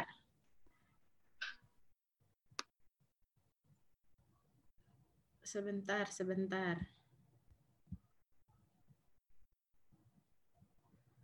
Oke. Mau dibacakan saja atau mau uh, dipersilakan bicara? Gak apa-apa sih. Oke, saya coba kalau gitu dibacakan ya. Uh, tapi di sini nggak dijelaskan nih nanyanya ke siapa nih. Kayaknya mungkin tiga-tiganya boleh menjawab ya. Uh, satu dari saudara Salman Nazil menanyakan bagaimana politik hukum Perpu yang diterbitkan ini, Bu, apakah lebih mengedepankan aspek kesehatan, ekonomi, dan apakah sudah tepat? Yang kedua, apakah Perpu ini sifatnya sudah cukup teknis atau masih memerlukan berbagai aturan teknis? Nah, ini menarik karena tadi Prof An-An juga bicara dan uh, tentang aturan teknis gitu ya. Kemudian yang ketiga dalam keuangan apakah dalam keuangan apakah negara sudah mempertimbangkan penggunaan sumber-sumber dana internal seperti dana abadi uh, sebelum berhutang ke luar negeri. Oke. Ini dari saudara Salman. Kemudian dari saudara Muhammad Rizaldi kepada Prof. Susi. Nah, kalau ini jelas kepada Prof. Susi. Uh, dalam teori, pengujian undang-undang dapat dilakukan oleh MK dan DPR, baik secara material maupun formil. Pertanyaan saya, model pengujian formil terhadap Perpu, ya apakah dapat dilakukan oleh MK? Jadi nggak hanya spesifik pengujian nih Bu, tapi pengujian formil uh, Perpu ke MK. Eh, sebab sepanjang pengetahuan saya, MK belum pernah menguji Perpu secara formil. Kedua, apakah DPR dapat menguji materi substansi Perpu? Nah, ini uji material berarti. Sebab selama ini saya melihat Oh, maksudnya pengujian oleh DPR. Sebab selama ini saya melihat DPR menitik beratkan pada pengujian terhadap hal ihwal yang memaksa, kegentingan yang memaksa. Jadi apakah secara substansinya boleh di uh, uji begitu. Lalu, oh, semakin banyak yang nanya. Kita tiga dulu ya, nanti ya. Tiga dulu saya pilih sebentar. Perpu?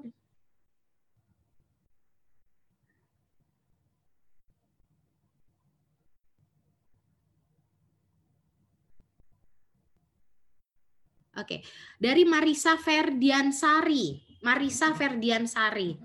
Menurut penjelasan narasumber bahwa ada kelemahan dalam perpu ini, maka bagaimana seharusnya yang tidak bagaimana seharusnya yang ideal dalam perpu ini menjadi peraturan yang dapat dijalankan dengan baik sehingga tidak menimbulkan permasalahan di kemudian hari dan apakah diperlukan bila perpu dilakukan revisi sebentar sebentar Oh, ini aja perlakuan teknis. Apakah yang dapat dikeluarkan untuk mendukung Perpu ini? Oh, masih dengan uh, tentang peraturan teknis. Baik, tiga penanya dulu ya. Kita coba jawab dulu. Nanti kita lihat waktunya memungkinkan atau tidak. Kita kembali.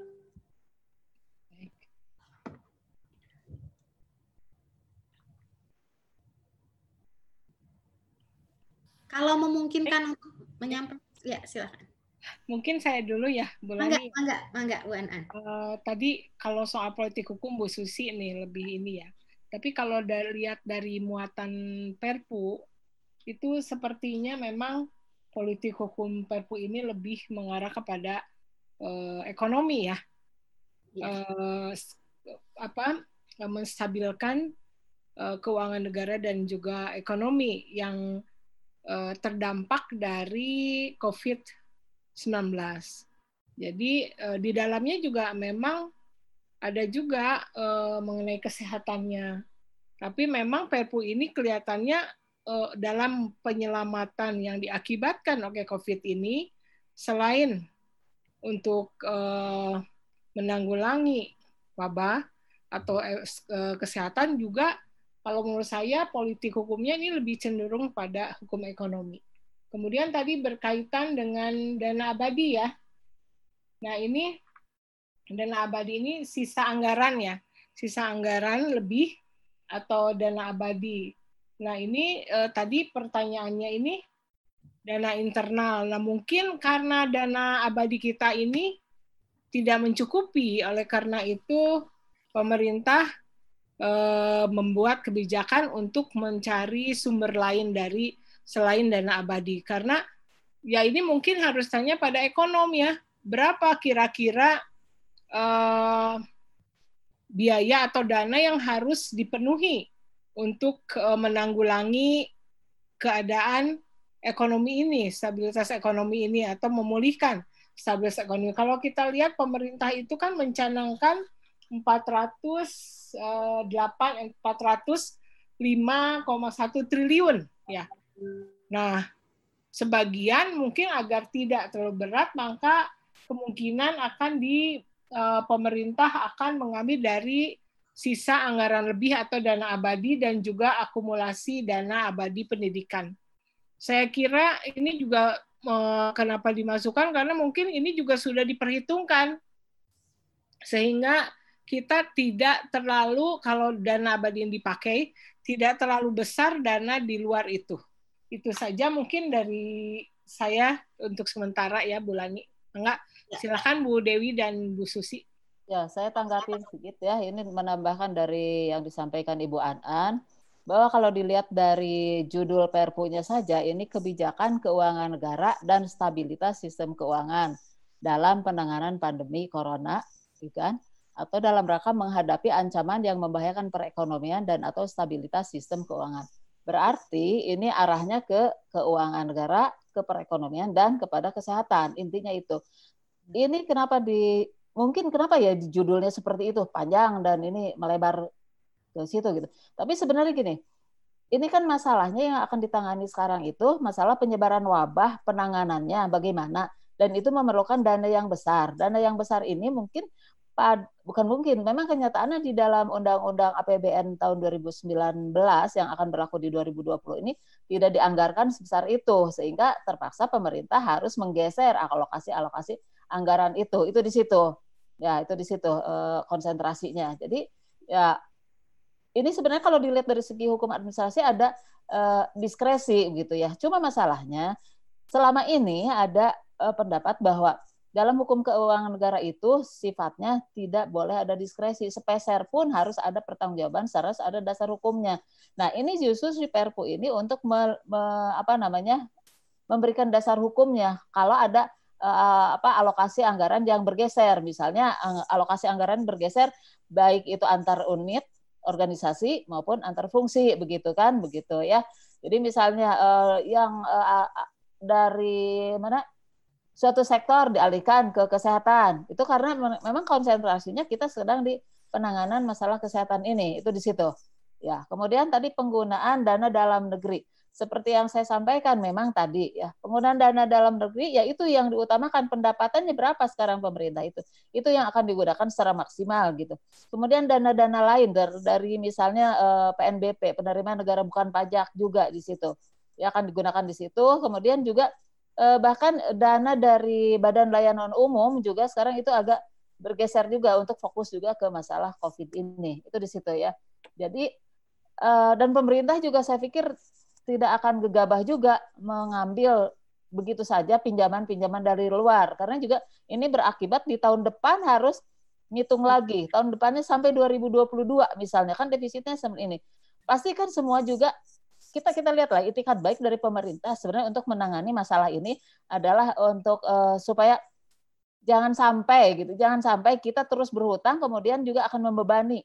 Kalau beban ini di terus di apa ya di diperbesar gitu dari dari uh, pinjaman nanti hasil pajaknya tidak akan maksimal. Sementara pajak itu dipungut oleh negara itu harus kembali kepada masyarakat untuk penyediaan fasilitas publik itu di situ jadi kalau demikian hanya untuk nanti kalau utangnya banyak dari APBN berikutnya itu jadi hanya untuk bayar utang gitu kan. Utang semacam ini terus-terusan terjadi begitu. Itu di situ. Jadi pendapatan yang lain barangkali ini juga harus digenjot. Nah, masalah perpajakan ini juga banyak hal. Indonesia ini sekarang dari tahun 83 sudah menerapkan untuk pajak penghasilan dan lain-lain itu sistem self assessment. Di mana sistem self assessment itu ada hal yang paling berat yang harus dilakukan oleh wajib pajak yaitu jujur, sadar dan disiplin.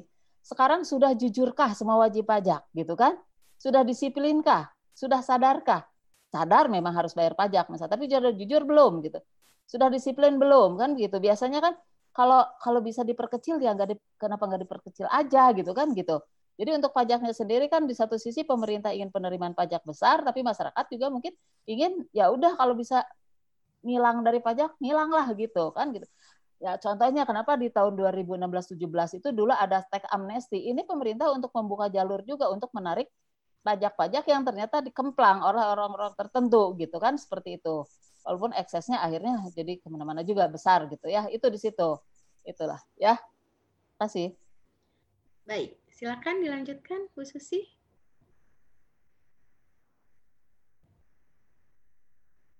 Baik, terima kasih Bu Lani. Uh, saya mulai dengan penanya yang pertama, apa sebetulnya politik hukumnya? Kalau kita belajar ilmu perundang-undangan, maka kita akan mengetahui materi apa yang diatur itu dari judul. Sekarang kita lihat bahwa judulnya itu adalah kebijakan keuangan negara dan stabilitas sistem keuangan untuk penanganan pandemi dan atau dalam dalam rangka menghadapi ancaman yang membahayakan perekonomian nasional dan atau stabilitas sistem keuangan. Kemudian di dalam konsiderannya semua mengatakan COVID-19. Hampir semua konsideran itu secara spesifik menunjuk pada COVID-19. Maka seperti yang eh, ditanya oleh Profesor eh, Maria Farida gitu ya. Apakah peraturan ini hanya khusus untuk menanggulangi COVID-19. Memang dari sudut ilmu perundang-undangan kita mengetahui bahwa ada peraturan yang berlaku hanya dalam jangka waktu tertentu. Tetapi kalau peraturan itu hanya akan dilakukan pada jangka waktu tertentu, maka sebaiknya dicantumkan di dalam judulnya. Misalnya ada undang-undang tentang perencanaan uh, pembangunan gitulah ya itu dari 2014 sampai 2019. Jadi sudah spesifik waktunya. Nah, jadi kalau dari judul saja kalau kita mau mengkritisi, peraturan ini, perpu ini hanya untuk COVID-19. Terus kalau COVID-19-nya selesai, mau diapakan peraturan ini? Undang-undang ini mau diapakan? Itu satu. Nah, kemudian politik hukum itu dapat kita lihat dari materi muatannya materi muatan politik hukum ini benar seperti dikatakan oleh Prof. Anan dan Dr. Dewi Kania itu lebih menitik beratkan pada aspek ekonomi dan sistem keuangan, tidak pada uh, kesehatan. Karena kesehatan sudah diatur di dalam Undang-Undang Karantina uh, Kesehatan. Tetapi yang tadi kita uh, kritisi pada pasal 27 ayat 1, 2, dan 3 seakan-akan ketentuan ini memasuki ranah penegakan hukum. Siapa yang dapat menyatakan bahwa itu terdapat atau tidak terdapat kerugian negara? Apakah si pengguna sendiri? Masa iya dia menilai dirinya sendiri? Enggak, saya tidak menimbulkan kerugian negara. Kemudian tadi dikatakan oleh Bu Dewi Kania, ayat 2, sepanjang itikat baik. Ya semuanya juga harus itikat baik. Tapi lagi-lagi, siapa yang menilai itikat baik dan kesesuaian dengan peraturan perundang-undangan? Yang menilai itu haruslah pihak lain. Gitu. Jadi itu yang tadi saya katakan kemudian tidak bisa digang, tidak bisa digugat secara pidana dan perdata, jadi sudah ditutup itu gitu ya. Kemudian secara tata usaha negara pun ditutup lagi melalui ayat 3. Jadi kalau kita bicara politik hukum apa sebetulnya yang ada di dalam perpu ini? Politik hukumnya dapat nggak kita mengatakan bahwa betul ini memberikan kelonggaran terhadap ekonomi dan sistem keuangan negara, tetapi melimitasi bahkan meniadakan hak warga negara untuk memperkarakan negara. Kalau dia akan melimitasi dia akan mengurangi uh, hak warga negara. Maka seharusnya itu masuk pada ranah pasal 12 yaitu negara dalam keadaan bahaya. Negara dalam keadaan bahaya itu akibat hukumnya salah satunya adalah dalam kaitan dengan hak asasi manusia. Gitu. Nah, jadi ini yang saya yang saya uh, apa uh, uh, ingin diskusikan. Bagaimana kita melihat pasal 27 gitu ya betul bahwa pejabat publik itu harus dilindungi. Ada tiga rezim hukum yang melindungi pejabat hukum. Yang pertama adalah rezim hukum keperdataan. Bukan tidak mungkin nanti akibat ini pejabat negara itu uh, melakukan hal-hal uh, uh, yang berkaitan dia dalam kapasitas kegiatan-kegiatannya itu bersifat keperdataan. Yang kedua, rezim hukum administrasi negara. Rezim hukum administrasi negara ada dua, yaitu hukum administrasi negara umum dan hukum administrasi negara khusus. Yang masing-masing itu punya asas gitu ya. Dan yang ketiga adalah rezim hukum pidana. Nah, yang tadi kita persoalkan pada pasal 27 ayat 1, ayat 2, ayat 3, salah satunya ini adalah persoalan antara equality, prinsip equality before the law versus privilege apakah ayat 2 ini memberikan privilege bagi pejabat publik? Gitu. Dan dalam situasi apa privilege-privilege itu boleh dilakukan? Jadi ini ini yang dipersoalkan oleh masyarakat itu dalam konteks itu bukan kita bukan kita tidak me, apa ya, tidak menginginkan perlindungan hukum bagi pejabat publik tidak tetapi lakukanlah itu dalam hal uh, menggunakan asas proporsionalitas jadi untuk mencapai tujuan Perpu ini haruslah menggunakan asas proporsionalitas. Dia ingin menstabilkan keuangan, dia ingin menstabilkan perekonomian dalam rangka penanganan COVID-19. Tapi balancingnya di mana? Jadi proporsi untuk untuk menilai proporsionalitasnya gitu ya antara tujuan dengan cara dia mencapainya itu sejalan tidak ketika dia ingin mencapai satu tujuan tertentu, tapi sambil dia melimitasi hak-hak warga negara untuk mempersoalkan negara, boleh tidak itu? Nah, ini dari dari dari perspektif politik hukumnya gitu ya.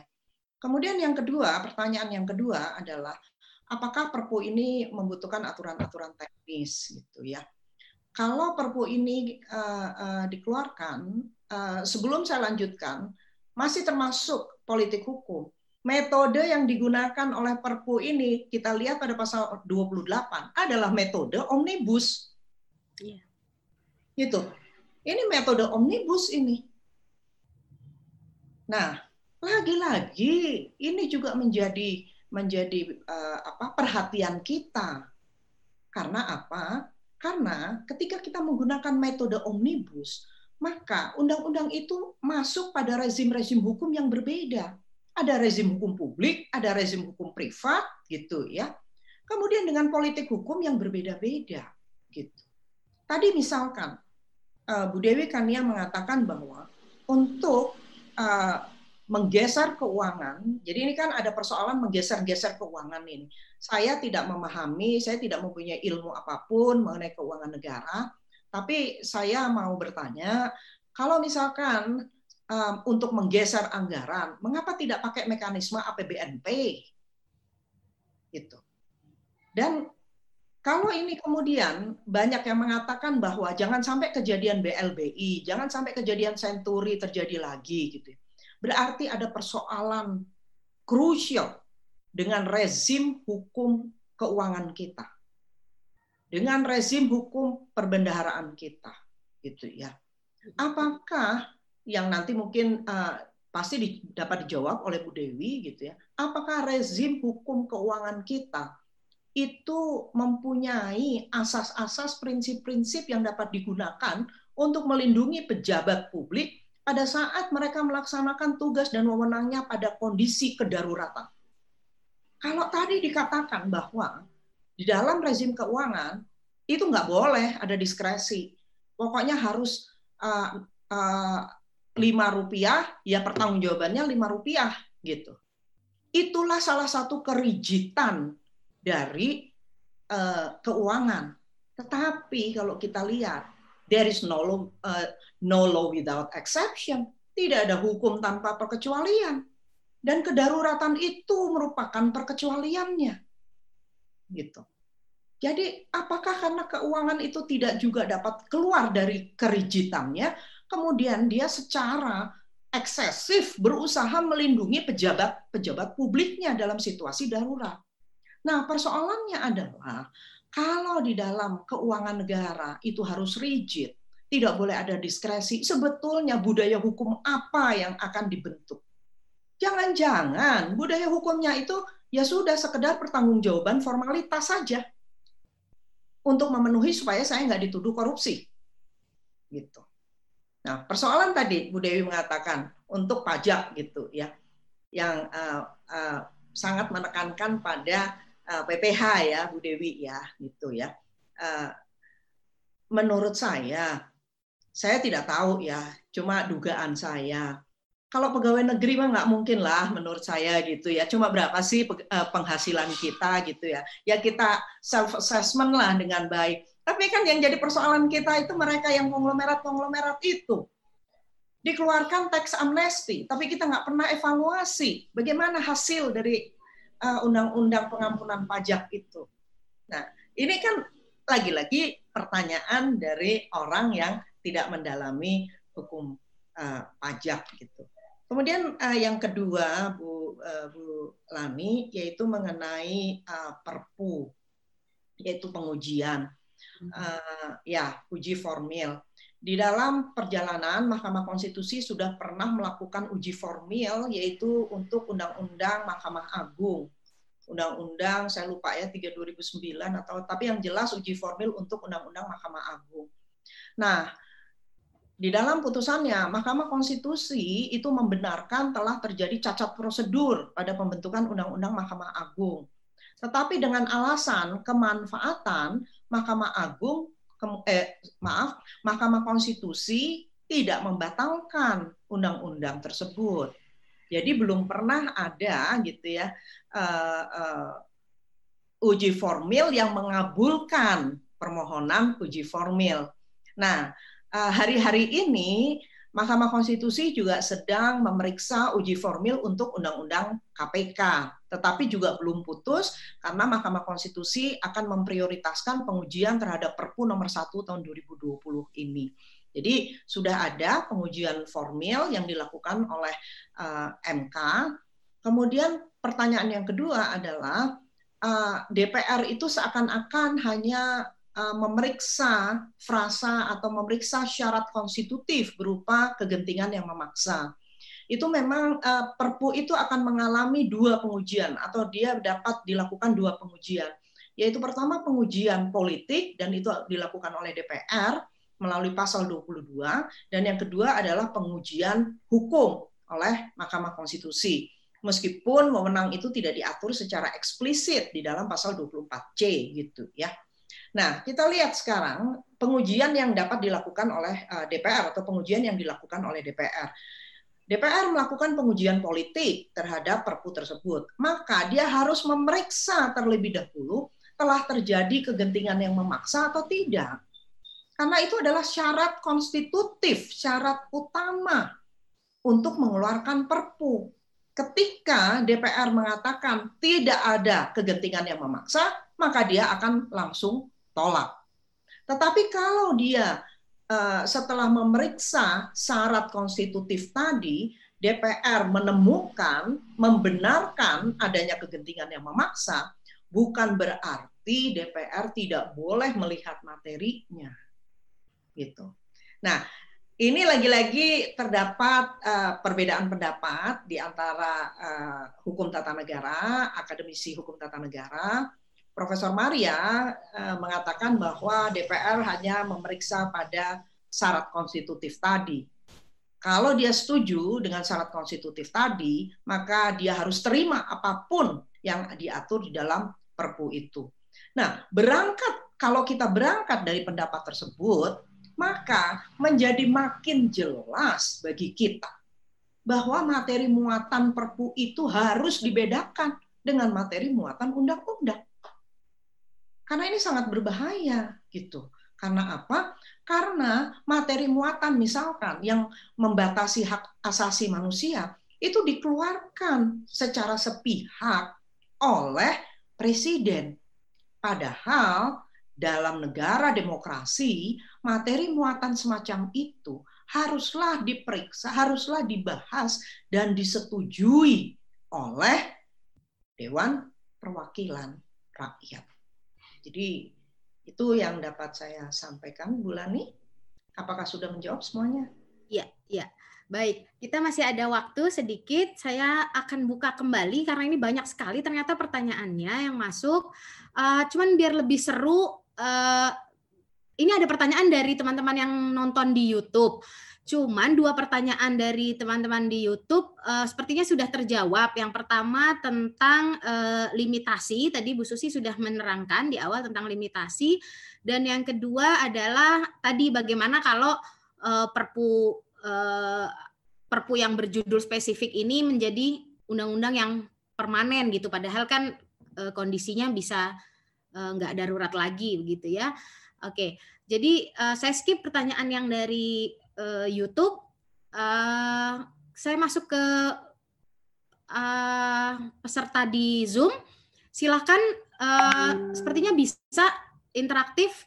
Saya buka untuk uh, Happy Verovina, Happy Verovina dan uh, Wahyu Gumilar. Saya buka dua ya, biar cukup waktunya ini.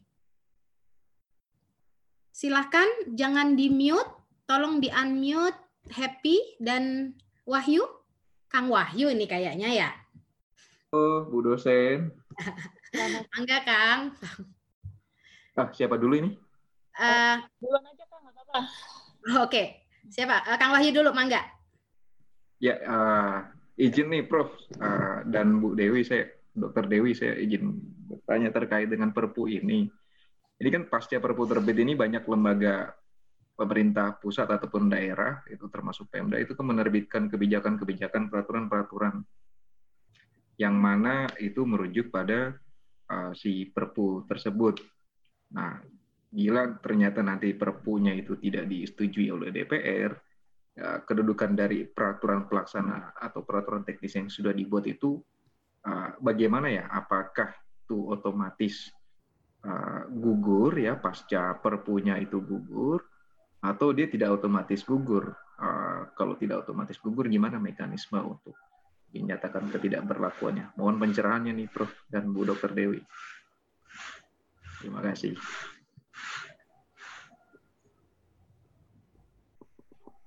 Uh, silakan, Happy Verovina. Ya, terima kasih atas kesempatannya. Uh, yang ingin saya tanyakan, uh, apakah Perpu untuk nomor 1 tahun 2020 ini memang dikeluarkan karena terjadi kekosongan hukum dalam menghadapi ancaman dan bahaya COVID-19. Serta saat ini kan DPR sedang dalam masa reses. Karena dari beberapa pemberitaan itu kan disebabkan memang sebenarnya ekonomi kita mengalami defisit yang terus menurun. Selain itu juga ada kegagalan ekonomi, banyaknya hutang ada pendapat yang mengatakan bahwa dikeluarkannya Perpu ini sebenarnya hanya untuk menutupi dari kegagalan pemerintah untuk menangani ekonomi di negara kita yang sebelum yang memang sebenarnya sudah terjadi sebelum adanya wabah COVID ini. Dan berikutnya uh, yang ingin saya tanyakan ke Dr. Dewi, seperti tadi kan ada imunitas pejabat ya dalam pasal 27 kalau tidak salah. Uh, di situ dijelaskan apakah memberikan kewenangan atau kekuasaan yang lebih terhadap BI, OJK, KSSK dan khususnya pada Menteri Keuangan. Terima kasih. Baik, ke Bu Dewi nih kayaknya ya. Mangga, Bu Dewi.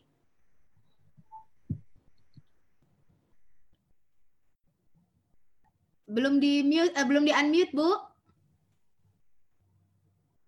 Maaf, kepencet. Enggak. Uh, kalau misalnya dikatakan untuk khusus untuk keuangan negara ya, kalau dikatakan PRPU ini untuk menanggulangi ada kekosongan hukum atau kekosongan peraturan gitu sebenarnya tidak ada. Keuangan negara ada aturannya di sini ada Undang 17 2003, Undang-Undang 1 2004 dan lain-lain termasuk untuk masalah APBN ada Undang-Undang 20 tahun 2019 di mana di situ juga jelas-jelas itu yang harus eh, pelibat bukan pelibatan bahwa peran DPR itu di situ penting untuk menyetujui atau tidak menyetujui mengenai masalah APBN gitu kan. Nah persoalan tadi seperti saya hubungkan dengan yang Ibu Susi katakan, justru bukan dan e, pertanyaan dari Mas Wahyu tadi bukan e, jika misalnya DPR-nya e, apa tidak menyetujui kemudian bagaimana nasib peraturan-peraturan daerah. Justru kalau saya berpikir begini ya, jika disetujui ataupun tidak disetujui tetap ada akibatnya. Misalnya jika tidak disetujui, berarti kan harus kembali ke aturan-aturan sebelumnya sementara ini sudah dijalankan. Nah itu yang tadi Bu Susika katakan juga, bagaimana ini ke yang ke belakang itu ya kan? Kemudian kalau ternyata disetujui, ini Perpu ini mau berlangsung sampai kapan gitu kan gitu. Kalau jadi undang-undang pasti udah lebih lama lagi nanti berlakunya ya Bu Susi gitu kan. Nah, kalau begitu misalnya jadi peran-peran DPR yang di dalam undang-undang APBN yang lama itu dan yang sebelum-sebelumnya termasuk di dalam keuangan negara itu menjadi hilang kalau begitu. Ya, kalau demikian uh, itu kan kondisinya gitu. Padahal kan tetap untuk masalah keuangan negara itu peran dari DPR sebagai wakil rakyat. Kenapa sebagai wakil rakyat? Karena dia itu kan dipilih oleh rakyat. Kedaulatan ada di tangan rakyat. Jadi kedaulatan ada di tangan rakyat itu bukan hanya sekedar ada ditulis di dalam undang-undang dasar, tapi harus dilaksanakan gitu. Nah, pelaksanaannya antara lain dalam pembentukan undang-undang APBN. Mau ke mana nih APBN itu? Dari mana dapatnya uang pemerintah itu? Misal dari pajak. Pajak itu harus disetujui oleh rakyat juga. Kalau tidak ada persetujuan dari rakyat, itu namanya berarti perampokan, begitu kan? Seperti itu ya. Tadi juga ada mengenai masalah Bu Susi. Betul, mengenai PPH. Itu orang-orang kecil dengan, dengan teks amnesti juga ikut ke bawah-bawah. Bahkan ada istilahnya begini, kalau yang bersalah dikasih teks amnesti, tapi kalau yang sudah benar ketika melakukan kesalahan malah kena denda gitu kan gitu Bu Susi ya. Itu ketidakadilannya karena di situ kan seperti itu ya. Yang kecil-kecil seperti ini juga banyak kok Bu. Kita misalnya diminta untuk uh, lakukan teks amnesti dulu itu kan.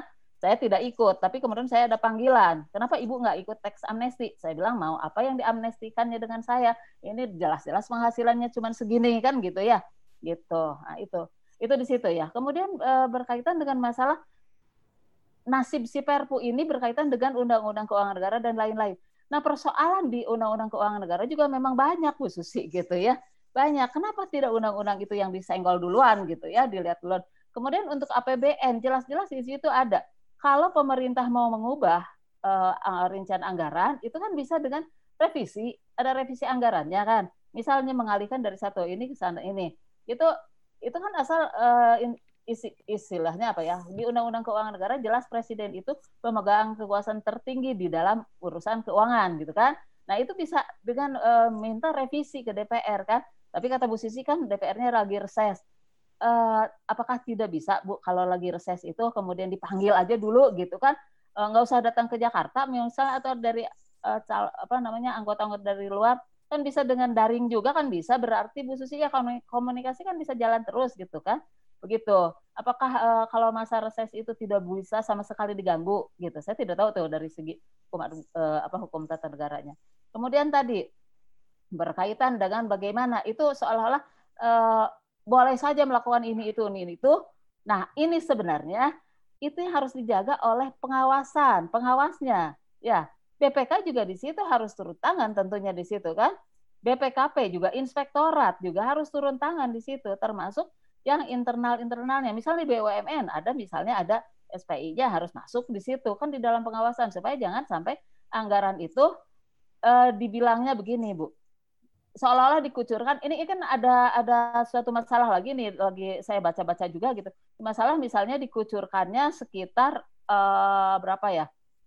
Tadi saya saya dapat postingan dari orang misalnya untuk suatu kegiatan itu sekitar 200 miliar ya. Eh, sorry, 200 triliun kalau nggak salah. Tapi katanya yang sampai ke masyarakatnya itu hanya sekian dan itu digunakan oleh uh, bukan oleh uh, pengelolaannya bukan oleh lembaga pengelola yang ada yang yang sah gitu, tapi oleh pihak ketiga gitu. Dan itu sekitar yang masuk ke pihak ketiga itu sekitar 54 triliun. Nah, itu jadi seolah-olah katanya terjadi pemborosan anggaran.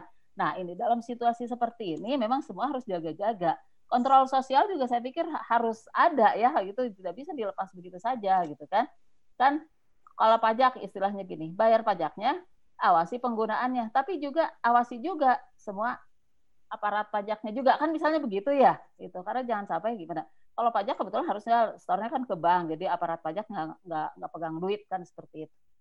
Tapi untuk yang lain-lainnya itu kan bisa lagi di takutnya bisa diatur istilahnya atur rebel lah. Kalau kalau istilah kamu di keuangan itu selalu bilang wah atau rebel aja gitu. Nah itu itu yang itu yang nggak boleh gitu kan. Sementara Bu Susi ya kalau kita sendiri penelitian kan uang seberapa rupiah pun itu harus rinci kan begitu. Masa yang gede-gede bisa dilepas begitu saja kan itu nggak lucu gitu kan gitu dan itu tidak sesuai dengan aturannya gitu. Jadi sebenarnya bukan karena kekosongan hukum ini untuk masalah keuangan negara itu ada aturannya tapi mungkin diarahkannya itu karena sekarang si COVID itu kan ujuk-ujuk datang gitu ya seperti itu. Tapi walaupun ujuk-ujuk datang, tapi tentu tadi siapa yang uh, happy yang mengatakan untuk menutupi kasus-kasus yang sebelumnya. Betul happy. Uh, sebelum-sebelumnya kan pemerintah itu APBN itu selalu defisit, ya gitu ya. Nah defisitnya karena apa? Karena salah satunya pajaknya tidak tercapai. Tidak tercapainya apakah karena masyarakatnya tidak mau bayar pajak atau uh, fiskusnya si pemungutnya tidak uh, kreatif untuk mengejar wajib pajak atau justru e, masalahnya anggaran atau rencananya rencana penerimaannya terlalu tinggi tidak melihat e, real di masyarakat sebenarnya bagaimana masyarakat kemampuan bayarnya itu gitu itu saya barangkali Bu Susi enggak bulan Oke Bu uh, An An ada yang mau dilengkapi ada yang mau ditanggapi saya kira uh, Bu Susi mungkin lebih Oke, okay. okay. Bu Susi berarti ya. Mangga Bu Susi. Bu Susi mau menambahkan ya? Ya, uh, saya ingin mengklarifikasi atau mengkonfirmasi apa yang disampaikan oleh Bu Dewi tadi. Uh, sebetulnya DPR hari ini tidak tidak sedang reses, Bu, tidak. karena dia sedang membahas rancangan Undang-Undang Cipta Kerja oh. yang juga dikritik, uh, mengalami kritik. Tadi yang saya coba sampaikan adalah uh, mengapa kita tidak me, apa ya, kalaupun belum ada aturan, mengapa DPR itu tidak mencoba mengembangkan praktek ketatanegaraan bahwa kalau dia sedang tidak reses, artinya dia sedang bersidang, kemudian presiden mengeluarkan perpu, maka dia berinisiatif. Tanya kepada presiden mana perpunya uh, segera sampaikan kepada kami, kami akan memberikan prioritas utama terhadap pembahasan perpu ini dan akan uh, menggeser jadwal untuk pembahasan rancangan undang-undang yang lain gitu ya. Nah, ini yang tadi saya katakan ketiadaan pengaturan uh, rinci mengenai prosedur pembahasan Perpu mengakibatkan kontroversi yang lain dan ketiadaan ini sebetulnya dapat diisi dengan praktek ketatanegaraan gitu. Tetapi masalahnya praktek ketatanegaraan itu kan sangat tergantung kepada keinsyafan, sangat tergantung kepada etika-etika penyelenggara negara, sangat tergantung pada moralitas-moralitas penyelenggara negara gitu ya. Mau tidak dia uh, uh, apa uh, mengembangkan praktek-praktek ketatanegaraan tersebut. Nah, tadi ada yang menanyakan bagaimana kalau uh, Perpu itu kemudian dibatalkan. Di dalam Undang-Undang Nomor 12 Tahun 2011 uh, Pasal 52 dinyatakan apabila DPR menolak Perpu itu, maka akibat hukumnya itu harus diatur di dalam Undang-Undang hmm. Penolakan Perpu. Semua akibat hukumnya itu diatur, harus diatur. Misalnya ketika Perpu KPK ditolak di dalam uh, uh, ketentuan uh, uh, salah satu pasalnya dikatakan bahwa segala sesuatu yang muncul akibat dari Perpu ini atau keputusan-keputusan yang sudah diambil oleh pimpinan KPK berdasarkan Perpu ini di, apa, dinyatakan masih berlaku. Nah, jadi akibat hukumnya itu harus diatur. Persoalannya adalah eh, DPR kalau dia eh, menolak, misalkan, kalau dia menolak gitu ya, maka dia akan cenderung untuk ke depan akibat hukumnya. Yang tadi saya persoalkan adalah bagaimana kalau itu menyangkut hak asasi manusia, gitu loh. Menyangkut pungutan dan itu merupakan pembebanan bagi masyarakat. Apakah itu tidak harus diberlakukan ke belakang gitu ya, surut. Jadi artinya dipilah-pilah. Nah, ini ini memang masih menjadi sebuah diskusi akademik ini. Kalau di Undang-Undang Dasar sementara tahun 1950 ketika parlemen ketika uh, menolak uh, undang-undang darurat yang kita samakan itu dengan Perpu, maka penolakan parlemen itu sudah me, uh, membuk, menandakan bahwa uh, Perpu itu dinyatakan tidak berlaku. Jadi tidak dibuat undang-undangnya. Tetapi persoalan kita sekarang, apakah cukup bahwa kalau DPR menolak Perpu kemudian dituangkan dalam bentuk keputusan DPR, apakah itu tepat secara hukum? Karena Perpu itu kan satu level dengan undang-undang. Apakah dia tepat dinyatakan tidak berlaku hanya dengan menggunakan keputusan DPR? Nah, Akibat itulah yang menurut saya kemudian muncullah konstruksi pasal 52 di Undang-Undang Nomor 12 tahun 2011 yang mengatur bahwa akibat hukum itu harus diatur di dalam Undang-Undang Penolakan Perpu. Kemudian tadi pertanyaan yang kedua, apakah Perpu ini diadakan karena nggak ada peraturannya? Tadi Bu Dewi sudah menyampaikan ada peraturannya dan di dalam kriteria-kriteria yang dikeluarkan oleh Mahkamah Konstitusi di dalam putusannya tahun 2009, salah satu kriterianya itu adalah peraturannya itu ada tetapi tidak memadai untuk menyelesaikan persoalan gitu. Nah, ini yang kita ini yang kita tidak tahu bahwa betul nggak peraturannya ada tapi tidak memadai jangan-jangan bukan peraturannya yang tidak memadai, tetapi aparat pelaksana peraturan itulah yang tidak berani untuk mengambil tindakan-tindakan gitu ya dalam rangka mengatasi COVID ini. Demikian Bulani. Oke, baik ini uh, pas sekali waktunya. Sebelum ditutup, apakah uh, para narasumber akan memberikan closing statement? Saya harap iya. Mau dari siapa dulu? Dari uh, Bu An An dulu barangkali? Baik, terima kasih Bu Lani. Uh, bagaimanapun Perpu ini ada kontroversialnya itu seperti tadi yang dikatakan oleh Bu Susi ya, juga di dalam Kompas oleh Pak Mahmud. Memang seperti itu. Tapi bagaimanapun kita harus berpandangan positif terhadap apa yang dilakukan atau dilakukan oleh pemerintah. Karena bagaimanapun juga saya kira Perpu ini dikeluarkan tujuannya adalah untuk uh, kesejahteraan masyarakat juga, untuk menstabilkan ekonomi negara dan juga masyarakat bukan hanya pengusaha tapi juga masyarakat biasa termasuk para pekerja atau labor Jadi uh, kalau menurut saya apa pun kontra pro kontra itu biasa saya kira ya. Karena di negara lain pun sama saya kira ya Bu Susi ya. Jadi uh, kalau saya kita positive thinking aja. Dan juga mungkin catatan untuk bidang ekonomi atau aspek hukum bisnis ini mungkin pengalaman-pengalaman lama jangan sampai terulang lagi. Oleh karena itu perlu suatu bukan hanya aturan tapi juga pengawasan. Pengawasan yang sangat ketat dan juga itu tadi ya itikat baik dan juga pengawasan yang sangat ketat. Juga peraturan yang memang membackup itu semua. Itu saja saya kira jadi kita memang berpandangan positif lah. Ya, terima kasih Bu Lani.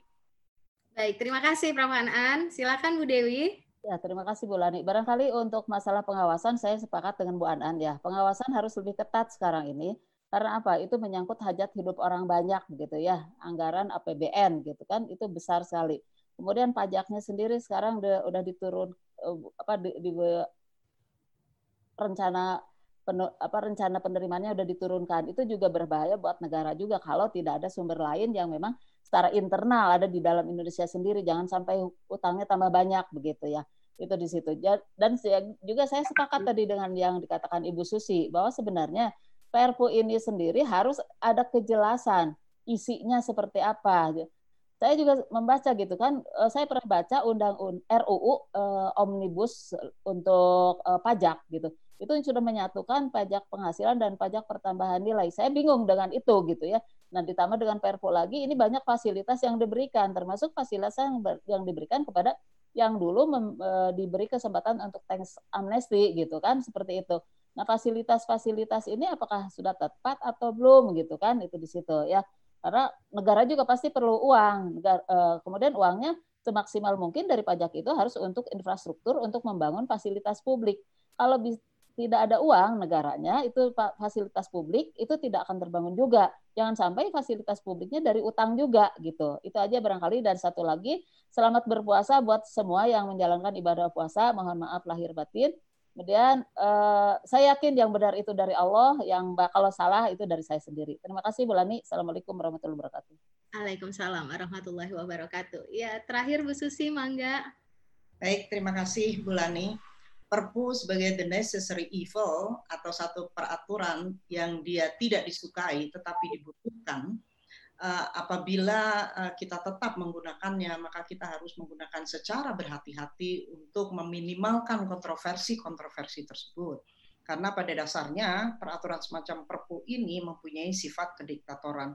Oleh karena itu untuk meminimalkan berbagai kontroversi itu harus dilakukan pertama melalui pembatasan materi muatan, kemudian yang kedua melalui uh, penetapan waktu pembahasan, kemudian juga yang ketiga menetapkan atau mengatur bagaimana akibat hukum yang di uh, uh, uh, akibat hukum dari pemberlakuan Perpu tersebut.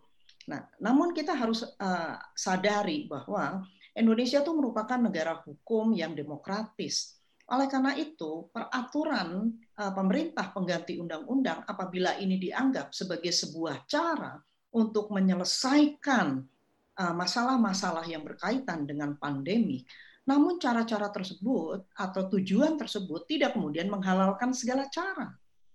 Apalagi kalau caranya itu kemudian melimitasi hak warga negara.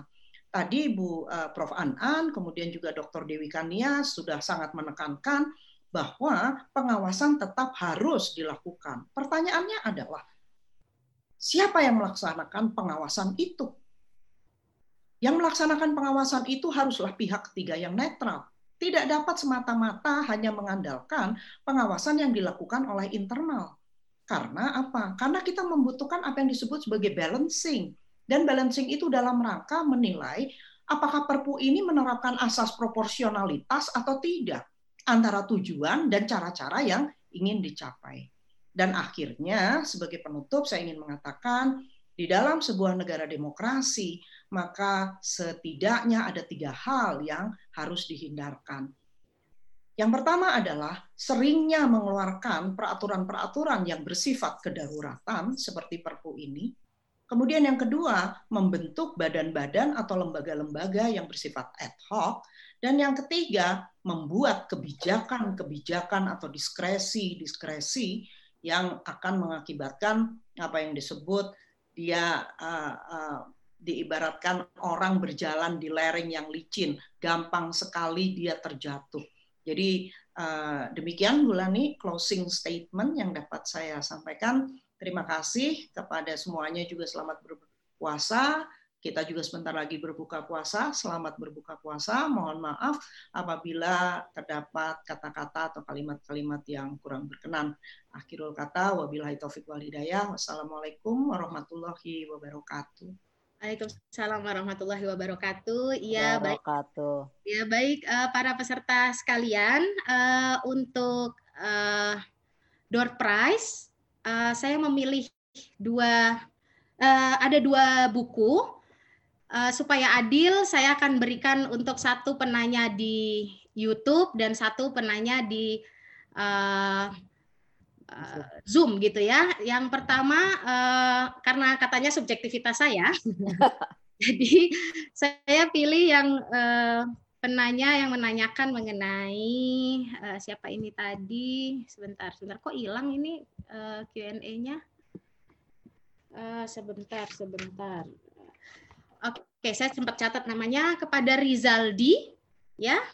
Uh, kemudian untuk yang di YouTube akan oh yang di YouTube nggak ada namanya ya. Nanti saya tanya ke host deh siapa atau nanti saya lihat di YouTube-nya yang bertanya tentang uh, apa ini yang bertanya tentang uh, uh, uh, uh, mana mana mana. Sebentar sebentar sebentar. Uh, oh yang tentang limitasi ya. Karena itu memang materi uh, Prof. Susi gitu tentang limitasi tadi ya baik uh, saya sebagai masyarakat yang ingin tenang uh, apa ya betul kita perlu positive thinking gitu ya. Kita yakin bahwa pemerintah kita sedang berusaha. Namun sebagai akademisi mudah-mudahan kita semua di sini tidak berhenti berpikir uh, kritis. Uh, kritis di sini bukan berarti mengkritik tapi terus berpikir untuk kebaikan dan kebenaran. Dan Uh, saya berdoa semoga Perpu ini sendiri, Perpu 1 2020 eh, ini sendiri merupakan good faith dari pemerintah gitu. Sebab uh, jika tidak gitu ya, seringnya seringnya uh, emergency ini digunakan sebagai justifikasi itu akan membawa dampak yang lain. Kalau tadi saya buka dengan Clinton Rossiter yang mengatakan Perpu sebagai uh, apa? Uh, diktatorship sebagai uh, konstitusional diktatorship, saya akan tutup dengan pendapat Stephen Lee uh, yang mengatakan uh, creeping uh, creeping diktatorship gitu. Jadi penurunan demokrasi melalui perambahan kekuasaan eksekutif pada cabang kekuasaan lain sering kali dijustifikasi oleh keadaan darurat can be seen as creeping dictatorship kediktatoran yang sedang merayap perlahan-lahan. Semoga bukan itu yang terjadi di bangsa kita. Wassalamualaikum warahmatullahi wabarakatuh. Semoga lelah kita sore ini menjadi lilah. Terima kasih.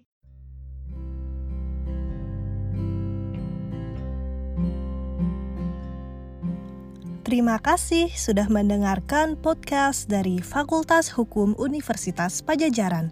Sampai jumpa lagi.